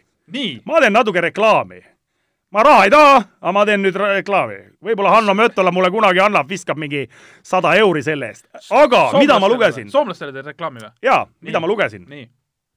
Soome korvpallimeediast. siis kahekümne esimesest kahekümne kolmanda juunini kaks tuhat kakskümmend üks toimub, kuulake nüüd, Hanno Mötola mitte lihtsalt korvpallilaager, vaid viskelaager. kahekümne ühest kahekümne kolmanda juunini kaks tuhat kakskümmend üks Hanno Mötola viskelaager, kus siis kolme päeva jooksul visatakse, seal on see, mis, mis see on see viskemasin, doktor Tish või mingi, mingi niisugune värk, vaata, teate sellest midagi, jah? et eh, siis ühesõnaga viskelaager, kakssada euri, kakssada euri, sees on majutus, värgid, asjad, siis sind õpetatakse viskama. aga sisse või lihtsalt viskama? no ma loodan, et sisse viskama ja see on Heinolas kuskil toimub ja kõik värgid, majutus, värgid, kakssada euri, vot ma, mis mulle jäi arusaamatuks, on see, et kas nad on, see on mõeldud ainult Soome mängijatele või Äh, või sinna võib ka tulla, ma ei tea, väljastpoolt. inimesed, noh, ma ei tea, juuni keskes, kas saab reisida või ei saa, aga vot selline põnev asi, Hanno Mötola viskelaager, mis mind pani nagu mõtlema, et kas Eestis on korraldatud midagi sellist, et meil siin tehakse suvekursusi ja vaata, kõige kuulsam vist on see Aivo Erkmaa suve, suvekursus, eks Ongi ole. jah, aga see on teistmoodi nagu orienteeritud, seal on rohkem nii, et tulevad välismaa treenerid ja ja siis tutvuvad nende Eesti poistega, eks see on nagu teistmoodi üles ehitatud, aga, aga niisugune laager, niisugune laager, aga ma hakkasin mõtlema, et kas Hannu Mötola viskelaager, et Alar Varrak, sa ei tee ju viskelaagrit, et noh. kõlab ju suht no, sa ei saa ju teha, on ju, või, või noh. oleks veel niimoodi, et Hannu Möttele mingi ma... haakviskelaager või midagi sellist. ei, ma mõtlen, et kas Hannu Möttel oli hea käega poiss või? oli, oli, ei ta viskas sisse. selleks muidugi ei pea olema hea käega, et teha, aga, aga lihtsalt iseenesest niisugune põnev värk, et, et, et selline mees on võtnud niisuguse asja kanda. aga vaata, tal on ka odav laager, kakssada ainult, on ju, kui oleks on see odav või? Ei, ma arvan, et on odav. kui oleks Gert Kullamäe viskelaager, no see oleks ikka neli sotti vähemalt. ma paneks tonni tonni, siis tulge vaadake, mida ma teen seal ja kuidas ma viskama panen mehel Alar, sa tahtsid midagi öelda? jaa, siin meie endistel tippmängijatel tekkis ka tegelikult idee teha selline individuaalsete oskuste arendamise laager ma ei tea, mis faasi see on jõudnud või endistel tippmängijatel või praegustel? ei, endistel. endistel. ja, ja ma loodan, et nad teevad selle ära ja, ja, sest see on tegelikult põnev teema, miks ma tahtsingi seda öelda, et vaata, et meil ei ole väga selliseid neid niisuguseid laagreid või niisuguseid nimeli-, Soomes on veel ju Peter Koponeni näiteks laager on, ma tean, ja, ja, ja veel ja Läti, Lätis ka tehakse, aga Eestis väga see popp ei ole, et Eestis väga ei no ei olegi praktiliselt võiks olla, olla no tegelikult ju mm -hmm. võiks olla ja, ja, ja noh, eks see on ju jälle Orgunni küsimus on ju, kuidas seda organiseerida, mismoodi, mis tingimustel, kuidas, keda sinna kaasata, eks ole, aga, aga, aga jah, niisugune asi mulle silma jäi. nii, okei okay,, selline laager toimub, Hannu, kui sinna eestlasi tuleb, siis viska mulle ka viis, viis eurot, et ma selle laagrile tegin nagu reklaami, on ju. ja teine asi mis on täitsa hull vend, ma teine asi, mis Soomest, kas te, ma küsin, ma testin teid, poisid, ma testin teid. Testi. ma testin teid. selline mees ütleb teile midagi mängija nimega Michael Bounce. ei ütle Te olete korvpallivõhikud, poisid, ma seda teadsin ennem ka. selle mehe karjäär lõpeb ära nüüd. Oi! Kuula, see on kurb, see on kurb! Kuula, ta lõpetab oma mängija karjääri kolmekümne kahe aastaselt, aga Nii. kas te teate ka, kes selle mehe, mehe isa on või? selle mehe isa on legendaarne Larry Bounce, kes oli kaheksakümnendatel absoluutne Ameerika korvpallur, kes siis läks Soome mängima ja minu generatsioon teab seda mängijat. absoluutne legend äh, Soome korvpallis, Larry Bounce, kihvt vana number viis nelja peal mängis, ta on Eestis käinud mitu korda mängimas Kalevi vastu ja, ja, ja kõik, no ütleme, minuvanused ja minust vanemad no raudselt see nimi on nagu no täielik legend ja tema jäi peale karjääri siis Soome elama ja poiss muidugi on kasvanud seal ja Soome kodakonne ja nüüd lõpetas karjääri. ta ei teinud samasugust head karjääri nagu isa, üksteist aastat ta KTP meeskonnas mängis.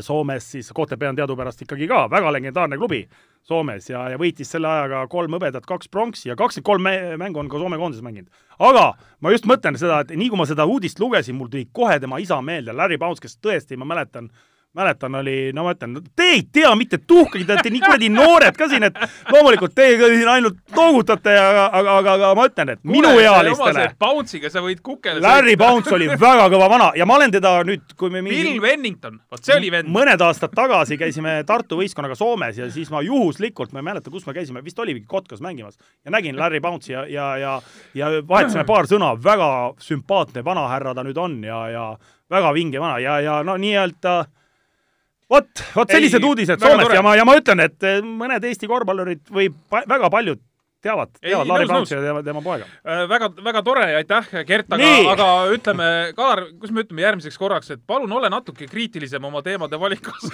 mis mõttes ei no lihtsalt kõike ei pea nagu ka siia saatesse tooma nagu. minu arust on need väga põnevad teemad, väga põnevad, need lähevad nagu Eesti korvpalliga nagu ka natukene kokku, eks ju. nõus.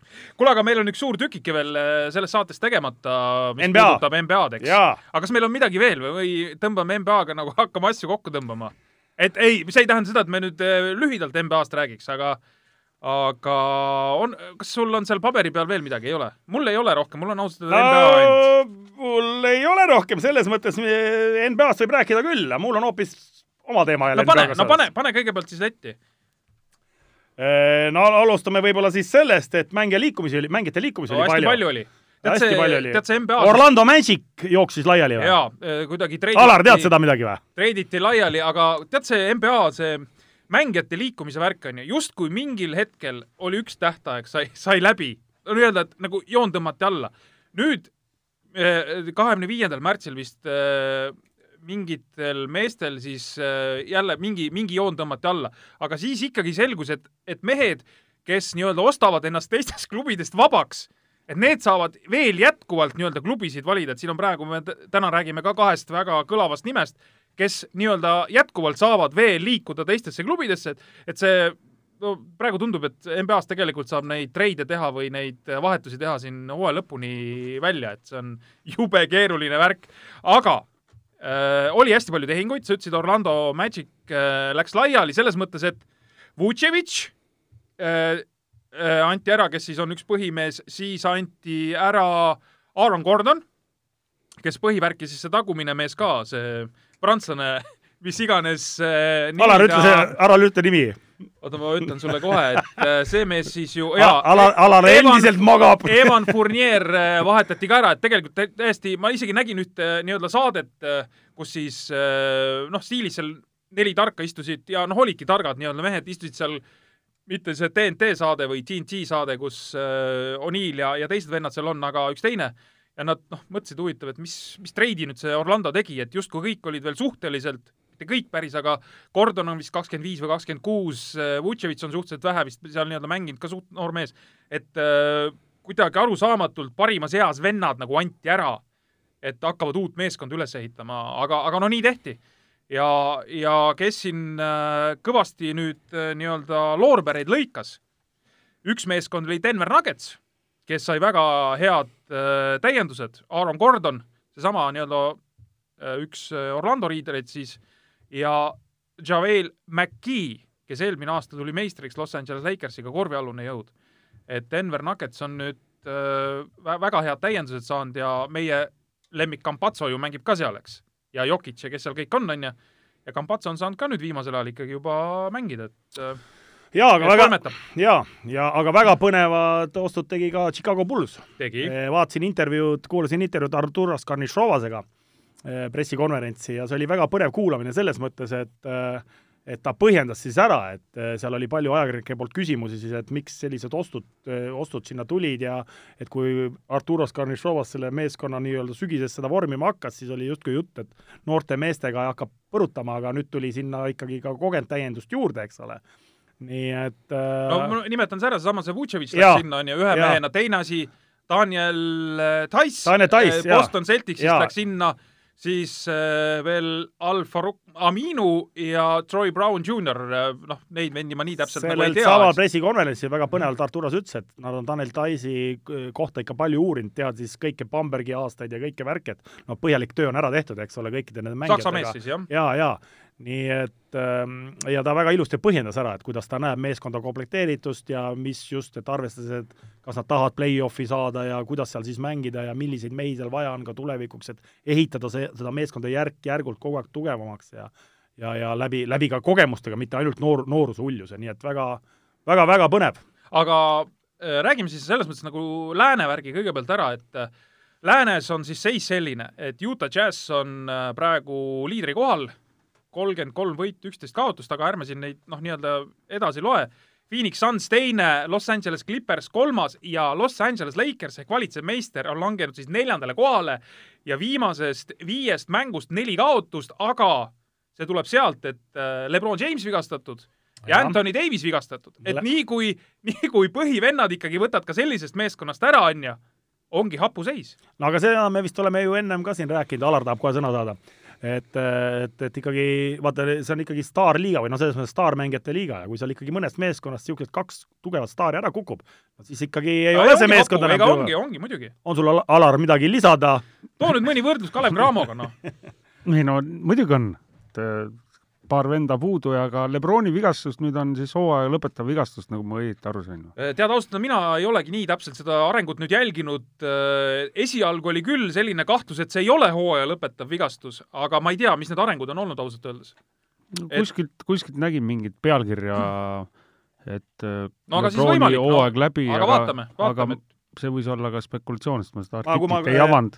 Schengeliga olen ära rääkinud peale, ma helistan Lebronile pärast, pärast saadet, ma uurin, et siis seal varsti juba aga no see tähendab, kui see nii on, siis on Lakersil hapud viinamarjad, no ega siin on asi klaar, et, et ega nad, ega nad ei purjeta nii-öelda ilma Jamesita, ma ei tea, sinna meistritiitlini, eks, aga üks vend võib neil veel juurde tulla, vaata, ma rääkisin, et siin need vennad ostavad siin vabaks mingid äh, kaks meest siis, Lamarcus Aldridge on leppinud kokku San Antonio Spursiga, et äh, enam ei mängi selle klubi eest, teevad nii-öelda selle kauba ära seal omavahel, et kui palju ta siis pappi kätte saab ja kui palju jätab klubile ja praegu räägitakse, et see mees on liikumas Brooklyn Netsi.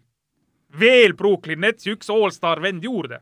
nii, aga Lakersile on tulemas väidetavalt äh, Andre Drummond, kes on siis viimaste hooaegade äh, kõige kõvem lauamees äh,. praegu tuleb siis Cleveland Cavaliersist ja teda on ka siin treiditud, enne mängis pikalt Detroit Pistonsis ja, ja Lakers võib sellise täienduse veel korvi alla saada, aga noh, Drummond ikkagi ei ole nagu Lebron James selles plaanis, et, et ta võib loomulikult korvi all kõvasti müdistada, aga ta ei ole nii-öelda mängu otsustaja, et äh, ta on pigem niisugune nii-öelda abimees kuule, Ivar, aga sina oled siin meil konkurentsitud nagu kõige suurem NBA spets-, spetsialist, et kuidas läheb Philadelphia klubil? Äh, jõuame kohe idakonverentsi ka. Ja ma lihtsalt selle lääne juurde tahtsin veel seda mainida, et äh, et kiideti jah, just äh, selle tehingute mõttes Denverit ja arvatakse, et Denver võib teha nüüd play-off ides väga kõva run'i, et saame näha, et ehk siis tähendab, et ka nii-öelda Euroopa mees Jokic, eks, pluss siis Campazzo, kes on, noh, tead ausalt öelda, kui keegi räägib Campazzost, mul on niisugune tunne, et see on nagu meie oma vend juba, noh. Vaata, vaata, mis teeb, et Euroliigas näed meest kogu aeg, on ju, argentiinlane tegelikult, vaata, oma jope, no täielik oma jope. tänu teleekraanile vaadatud mängudele on nagu, nagu oma meest täitsa. eriti veel, kui nagu sümpaatselt mängib ka, siis ju noh, ongi nii. aga Philadelphia, nii, nii, idakonverents, Philadelphia on liider, on ju, kolmkümmend kaks, kolmteist.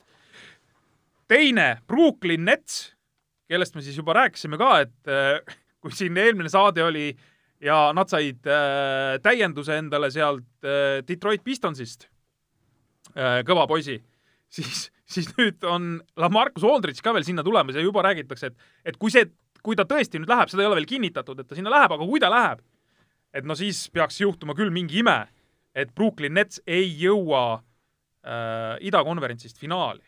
et äh, no siis peaks äh,, noh, ma ei tea, mis seal juhtuma, et see nii-öelda põhituumik on läinud seal nii tummiseks, et need tulevad igalt poolt läbi. aga see on nagu päris müstiline, et nüüd see sama Aldridge, on ju, lepib kokku mingis palgas, siis läheb mingi veterani miinimumiga, läheb sinna Brooklynisse ja ma sain aru, et tegelikult on neil ruumi veel, et nad saaks ühe veel mingisuguse veterani miinimumiga kuskilt võtta. no see on absurdne süsteem. no ega raha pole maamuna peal kadunud. ma räägin, aga see on nagu absurdne süsteem, et no mingid vennad hakkavad järsku mingi kahmima kokku endale ja, ja lõpuks on sul niisugune sats koos, et vaatad mingi allstar meeskonna.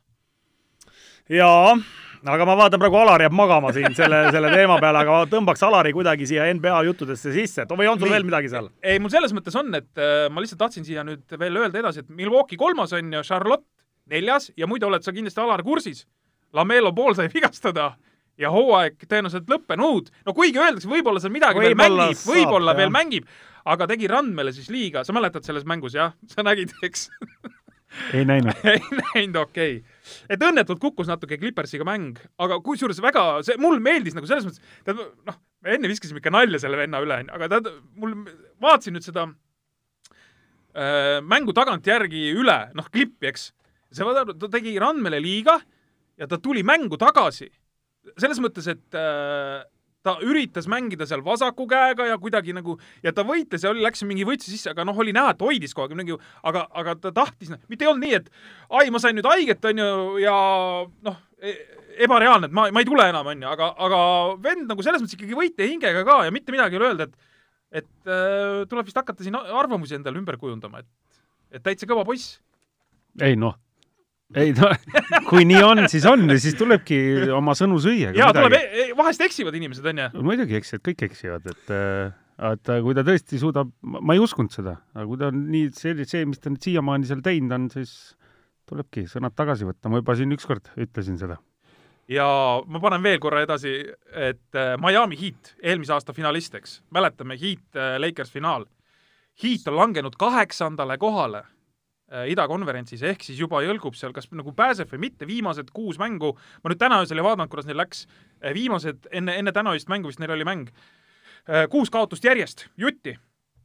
aga Miami tegi ka väga kõva diili, selles mõttes, et võttis juurde endale sellised vennad, Victor Oladipo, kes on olnud selline äh, äh, nii-öelda meeskonnavedaja Indianas ja, ja praegu ta tuli Houstonist, et ta treiditi, vaata seal oli selle Harden liikus Brooklyn Netsi, siis äh, käis seal mingi diil mitme meeskonna vahel. Nad võtsid Nemanja Bielitsa, e, Euroopa vend, eks, e, Sacramento Kingsist, ja nad said mingi aeg tagasi, siin mõned päevad varem, sellise venna nagu Trevor Ariza kes on lihtsalt huvitav tüüp selles mõttes, et ta mängis nüüd äh, mingi, sa oled kindlasti näinud, vaata Houstonis, kui nad neid kolmesid panid kõvasti, Arisa oli üks vend nendest, kes seal sisse pani mõned aastad tagasi. aga Arisa äh, sel hooajal on liikunud kolme klubi vahel juba. Houston, Detroit, Oklahoma City olid varasemad klubid ja nüüd siis tuli äh tuli meil Miami Heat ja vend on kõige rohkem NBA treidides osalenud mängija üksteist korda on teda liigutatud ühest klubist teise. saad aru, sa oled selline vend, põhimõtteliselt istudki kogu aeg kottide peal nii, nüüd täna liigun sinna lennukisse, sealt panen sinna. Et see on müstiline, Gert, kuule, kui sind oleks üksteist korda liigutatud ühest klubist teise. praegu oli, praegu oli lihtsalt see, et Ivar läks nii jooguma oma jutuga, kallid kuulajad, saite aru, onju, et kui ma ennem küsisin, et kas on Michael Bounce, keegi ei teadnud siin, praegu Ivar vuristas nimesid ette, ma jäin vaatama, kes kurat need veel on. aga ühesõnaga. ei, tubli Ivar, ei, kuule, ma tahan öelda lihtsalt, et Miami tõuseb, et Miami saab ka play-off'i No loodame. ja tipp-stops. ja Dragic ka ikka ja, ja, ja, vot seal ongi, neil on ka need vigastustega probleeme ja nüüd ma vaatasin, et kui need kolm venda nagu juurde tulid, normaalsed vennad, siis neil on tegelikult selline kümnene tuumik äh,, väga-väga vinge tuumik, et kui nad terved püsivad, hakkab nalja saama veel. okei okay., kuule, aga ega ma sult niisama ei küsinud seda Philadelphia kohta, et mitmes Philadelphia on. et äh, lisaks Türgi, Vene, Läti, Leedu äh,, Soome meediale on mul aega ka Ameerika meediat sirvida. Ja väga põneva intervjuu andis seal Philadelphia meeskonna omanik, president Daryl Murray on vist ta nimi. ja mees tuli siis sellise mõttega välja, et äh, vaata, me oleme siin ka en- ennist rääkinud eelnevates saadetes, et see kolme punkti joon on aina rohkem ja rohkem võtab äh, noh, see mängu iseloom muutub, et see kolme punkti visete osakaal läheb juba nii suureks. ja ongi tulnud mees, reaalselt tuli mõttega välja, et äh, NBA-s tuleb korvpalliväljak laiemaks teha. ehk siis tema arvates on kolme punkti see vise nurgast on nii lähedalt, et sealt on nii labane kolme punkti visata, et teadupärast siis NBA-s on kolmese joon on ütleme nurgast kuus koma seitsekümmend üks meetrit, aga nullist ütleme keskelt on seitse koma kakskümmend neli. Ehk siis põhimõtteliselt pool meetrit on Kaugemal. ju jaa, ja mehel siis on sula, andis selgelt mõista, et äh, NBA korvpalliväljakut tuleb ümber vaadata ja laiemaks seda teha, et, et siis see ütleme sealt nurgast ka see kaar läheks ka ühesuguseks. kaar läheks ka ühesuguse, et, et äh, ma mõtlesin, et siin ongi Alari hästi tuua mängu, et mis sa arvad sellisest mõttest? Ja vaata, vaata, kui juba siuksed, siuksel positsioonil olevad inimesed hakkavad selliseid mõtteid välja käima, siis ma ütlen, et no näed, et kuhu see mäng võib areneda või, või mis, mis üldse saama hakkab, et mis te mehed arvate sellisest mõttest ja ja, ja arutlusest üldse? no nüüd ma saan ka kaasa rääkida. hakka nüüd tuld andma, sest äh, nüüd on sinu minutid. jaa, see tegelikult ei ole üldse ju uus idee, seda ideed on äh, ma tean, et FIBA tasandil ja, ja kuskil sellistel tasanditel on juba mitu aastat seda teemat tegelikult arutatud ja küsimus ei olegi mitte ainult äh, kolme punkti joones, vaid üldse, selle mängu atraktiivsuse tõstmiseks, et väljak oleks äh, nii-öelda suurem ja, ja mängijatel on siis nii-öelda rohkem ruumi, et äh, et mitte ainult kolme punkti joon ei ole selle asja põhjuseks. ma tean, et kunagi põrkus see idee eos juba selle taha, et äh, no põhimõtteliselt see üleminekuperiood peaks olema megapikk, sest et äh, noh, lihtsalt saalid on ju ehitatud valmis juba ja, ja kuidas sa seda teed, aga mina arvan, et äh, mina esiteks toetan seda ideed ja arvan, et just vastupidi, selle idee peaks nüüd ära otsustama ja lukku lööma ja ütlemagi, et näiteks sellest aastast see ei saa olla nüüd järgmine aasta, see peab olema kindlasti mingi kolm kuni viis aastat ette teatada. ja, ja kuidas siis noh, ütleme mis iganes uusi asju hakatakse projekteerima, ehitama, remontima, et siis arvestatakse juba sellega, et väljak ongi siis mingi paar, paar kuni neli meetrit laiem, aga see on igatepidi, mina, mina toetan täiesti. aga, aga no kui see tuua selline mõte siia Eesti korvpalli konteksti, siis kui palju meil on selliseid saale, väikseid saale, kes No ei kannataks seda isegi ju ära, et, et noh, see ei saa päris nii olla, eks ole. no see ongi, see on kindlasti, see ei ole kerge otsus, aga ma ütlen, et seda enam see tuleks praegu kohe ära teha ja panedki pika perioodi, viis aastat näiteks, et äh, et viie aasta pärast peab see olema selline, on ju, see ei tähenda seda, siis ongi, et võib-olla meistriliiga, need mängivadki siis ütleme laiematel väljakutel ja noored jätkavad edasi mängimist ainult kitsamatel väljakutel ja siis näiteks noortele pannakse kümneaastane mingi tähtaeg ja nii edasi, et äh, seda Ei- enam see otsus peaks, minu arust peaks ära sündima äh, ja siis lihtsalt pikk äh, aeg ette panna. ehk siis meil tasub panna kõikidele kõikidele südame peale, kes hakkavad spordihooneid ehitama või midagi, siis tuleb hakata varuga seda pinda seal tegema, et et kui siis mingid reeglid tulevad, siis võivad mingisugused, ma ei tea, väljakute jooned minna, minna hoopis teistesse Täp- mõõtmetesse ja, ja ja sa oled Ja kohe nii- eelisseisus, sul oled- kohe kliente tuleb, nii et need, kes praegu ehitavad ja remondivad, et äh, mõelge selle peale. põneval ajal elama ikka, jah. ja, ja, ja selle kolme punkti joonega seoses ju tegelikult see, see ka veel juurde, et vaata, kui ma ei eksi, siis Euroopa korvpalli kolme punkti vise tekkis hooajal kaheksakümmend kolm, kaheksakümmend neli. aga NBA-s oli see hooajas seitsekümmend üheksa, kaheksakümmend, ehk siis noh, nii-öelda Fiba kehtestas selle hiljem ka, vaatas, et ameeriklased mõtlesid midagi välja, hakkasid seal toimetama, on ju, ja, ja kui asi tundus, et toimib, et noh, tegelikult praeguses võtmes ta võib ju samamoodi minna. et ameeriklased teevad selle ära, on ju, seal nii-öelda tehaksegi need asjad laiemaks ja vaadatakse, okei okay,, toimibki, et noh, võikski teha ja siis mingi aeg hiljem hakatakse seda tegema siis nii-öelda Fiba raames üle maailma, on ju, et, et kaasa arvatud siis meil. et noh, miks mitte, ei võiks sama mudel äh, ka toimida selle muudatuse puhul, on ju. ma arvan, et see infra ongi kõige suurem takistus sellele, et äh, ma arvan, et äh, ja siis tehku juba nelja punkti joon ka ära, eks. No mine sa tea, mis veel tulevad, mis, mis jooned sinna veel tehakse või pannakse, tehakse pall, ma ei tea, väiksemaks või raskemaks või või, või korv kõrgemaks või ei, ma nii, mina nii ei muudaks, piisaks sellest, kui väljak on laiem, esiteks nurgast on sul kaugem visata kolmest ja teine on see nii-öelda kaitsepool, mäng muutub atraktiivsemaks, väljak on ka suurem ja, ja, ja see toob sellist nii-öelda mängulisust juurde, et seal rohkem need individuaalsed oskused hakkavad, sul see abikaitse on palju tunduvalt keerulisem, kui on väljak laiem. Aga pole tegelikult selle peale kunagi tegelikult väga ju mõelnud, et a la NBA väljak umbes, et siis on tõesti sealt, kui sa viskad seal nullist kolmest, et sa viskad nagu justkui nagu, mis ma siin neid mõõtmeteks no see ei mahu ära, see joon lihtsalt sinna vaata nurka lihtsalt, ta ei mahu ära. No Euroopas- ja siis nurgas on sul tegelikult pool meetrit Lähemal. lähemal tegelikult. aga Euroopas on ju samamoodi ju, et need lihtsalt numbrid on natuke Need ei teistsugused. ole nii suured vahed, ütleme selles mõttes jah. jah, aga, aga, aga jah, päris, päris, päris, päris naljakas. ja, ja kuule, kui see NBA lõppu ma tahaks, selles mõttes mul üks asi oli veel, mida ma tahtsin mainida, vaata Atlanta tegi vahepeal äh, kõva seeria, kaheksa mängu järjest võitsid, aga see, see selleks, see kaheksa mängu selles mõttes, et võidavad teised ka hooaja jooksul kaheksa mängu järjest.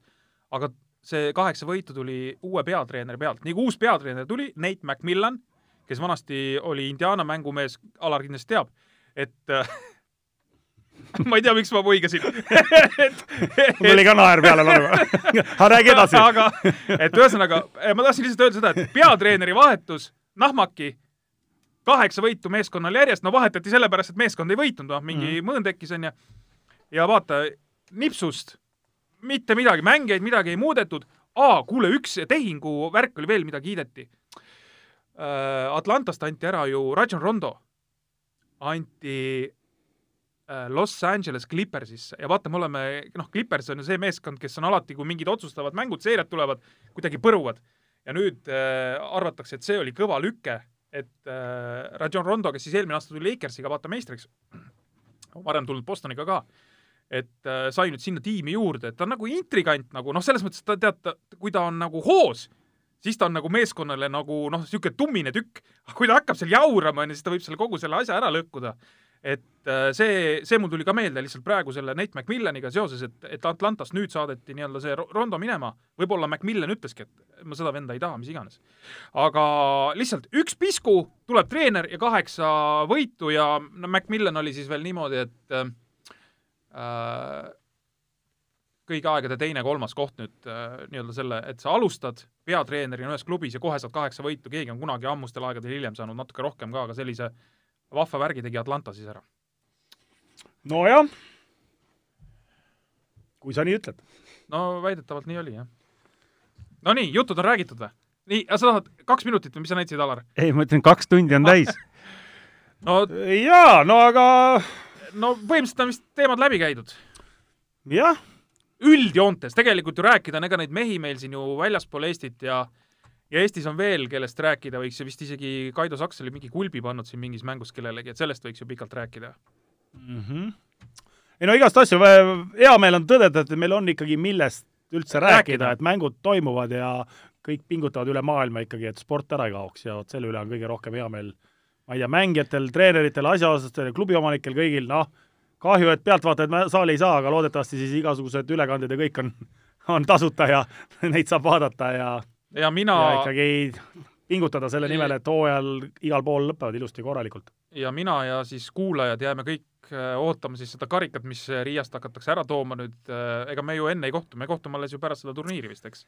no jaa, loodetavasti me ka Alariga sinna jõuame sellele turniirile, siis äh, et kõik testid on tehtud ja õiged ja kõik värgid, et äh, ja kui tuleme tagasi, siis me saame juba siin oma muljeid ju ma tahaks, jagada et. see karikas oleks ikka laua peal järgmine kord siin. No kui see Pärnu tuleb, ma luban sulle, kui see Pärnu tuleb, siis ma toon ta siia kaasa. ma luban sulle, kui ta tuleb, siis ma toon selle karika siia laua peale. Alar. no kui ta tuleb Tallinnas, ma luban ka, et ma no Laen- nii, oi, meil tuleb järgmine kord, kas me valame selle mingit jooki täis ka või? no kui tuleb, siis valame ka, siis valame ka. no nii, sellega on tore lõpetada, ilusat kevadet teile, ilmad lähevad ilusaks. õues saab hakata ka kossu mängima. ja, ja on, on juba noored kossumehed, kõik on juba väljas ja viskavad palli ja ja päike tuleb välja juba ja lumi on sulanud, nii et kasutage seda võimalust, kellel vähegi võimalik on. kõik noorkorvpallurid ja vanakorvpallurid ja kõik veterankorvpallurid ja kõik, kõik, kõik. annaks lõpetuseks Alarile sõna veel. jaa, okei okay,, ma siis küsin, meil tekkis äh, hea kolleegiga Raplast arutelu. Ma nimesi ei ütle, järgmine kord siis saame arutada. kes, kui praegu peaks valima, vaata iga kevad valitakse Eesti parim korvpallur, vahet ei ole, kus ta mängib, eks, siis kes see oleks, me jõudsime kahe nimeni, kelle hulgast me valiks. ma praegu neid ei ütle, aga me saame järgmine kord seda arutada. no väga hea. Pole küsimust ju. siis saab, Pole üldse küsimust ju, keda te valite. siis saab mõelda. no see kaks nädalat on aega kaks mõelda. nädalat on aega nii, mõelda. aga, aga las siis kuulajad ka mõtlevad, eks. keda Jah. nad valiks jah, nad võivad meile teada anda ju. Ja võivad teada kanda. kirjutage Ivarile ikka. ja pihtaspohjas.delfi.ee on aadress ja kirjutage ja kes Gerdi särki tahab, kirjutage ka. et Gert oli siin, lubas midagi lahkelt. ma vist ise kirjutan ka, kirjutan ja kirja. kirjuta, kirjuta, sinule ma väänan hinna ka, ma võin sulle öelda kohe ära. no nii, tänud kuulamast ja kohtume siis umbes paari nädala pärast. ilusat päeva head aega pihtas põhjas. korvpallis kruvib pinget Pahv, Eesti-Läti korvpalliliiga peasponsor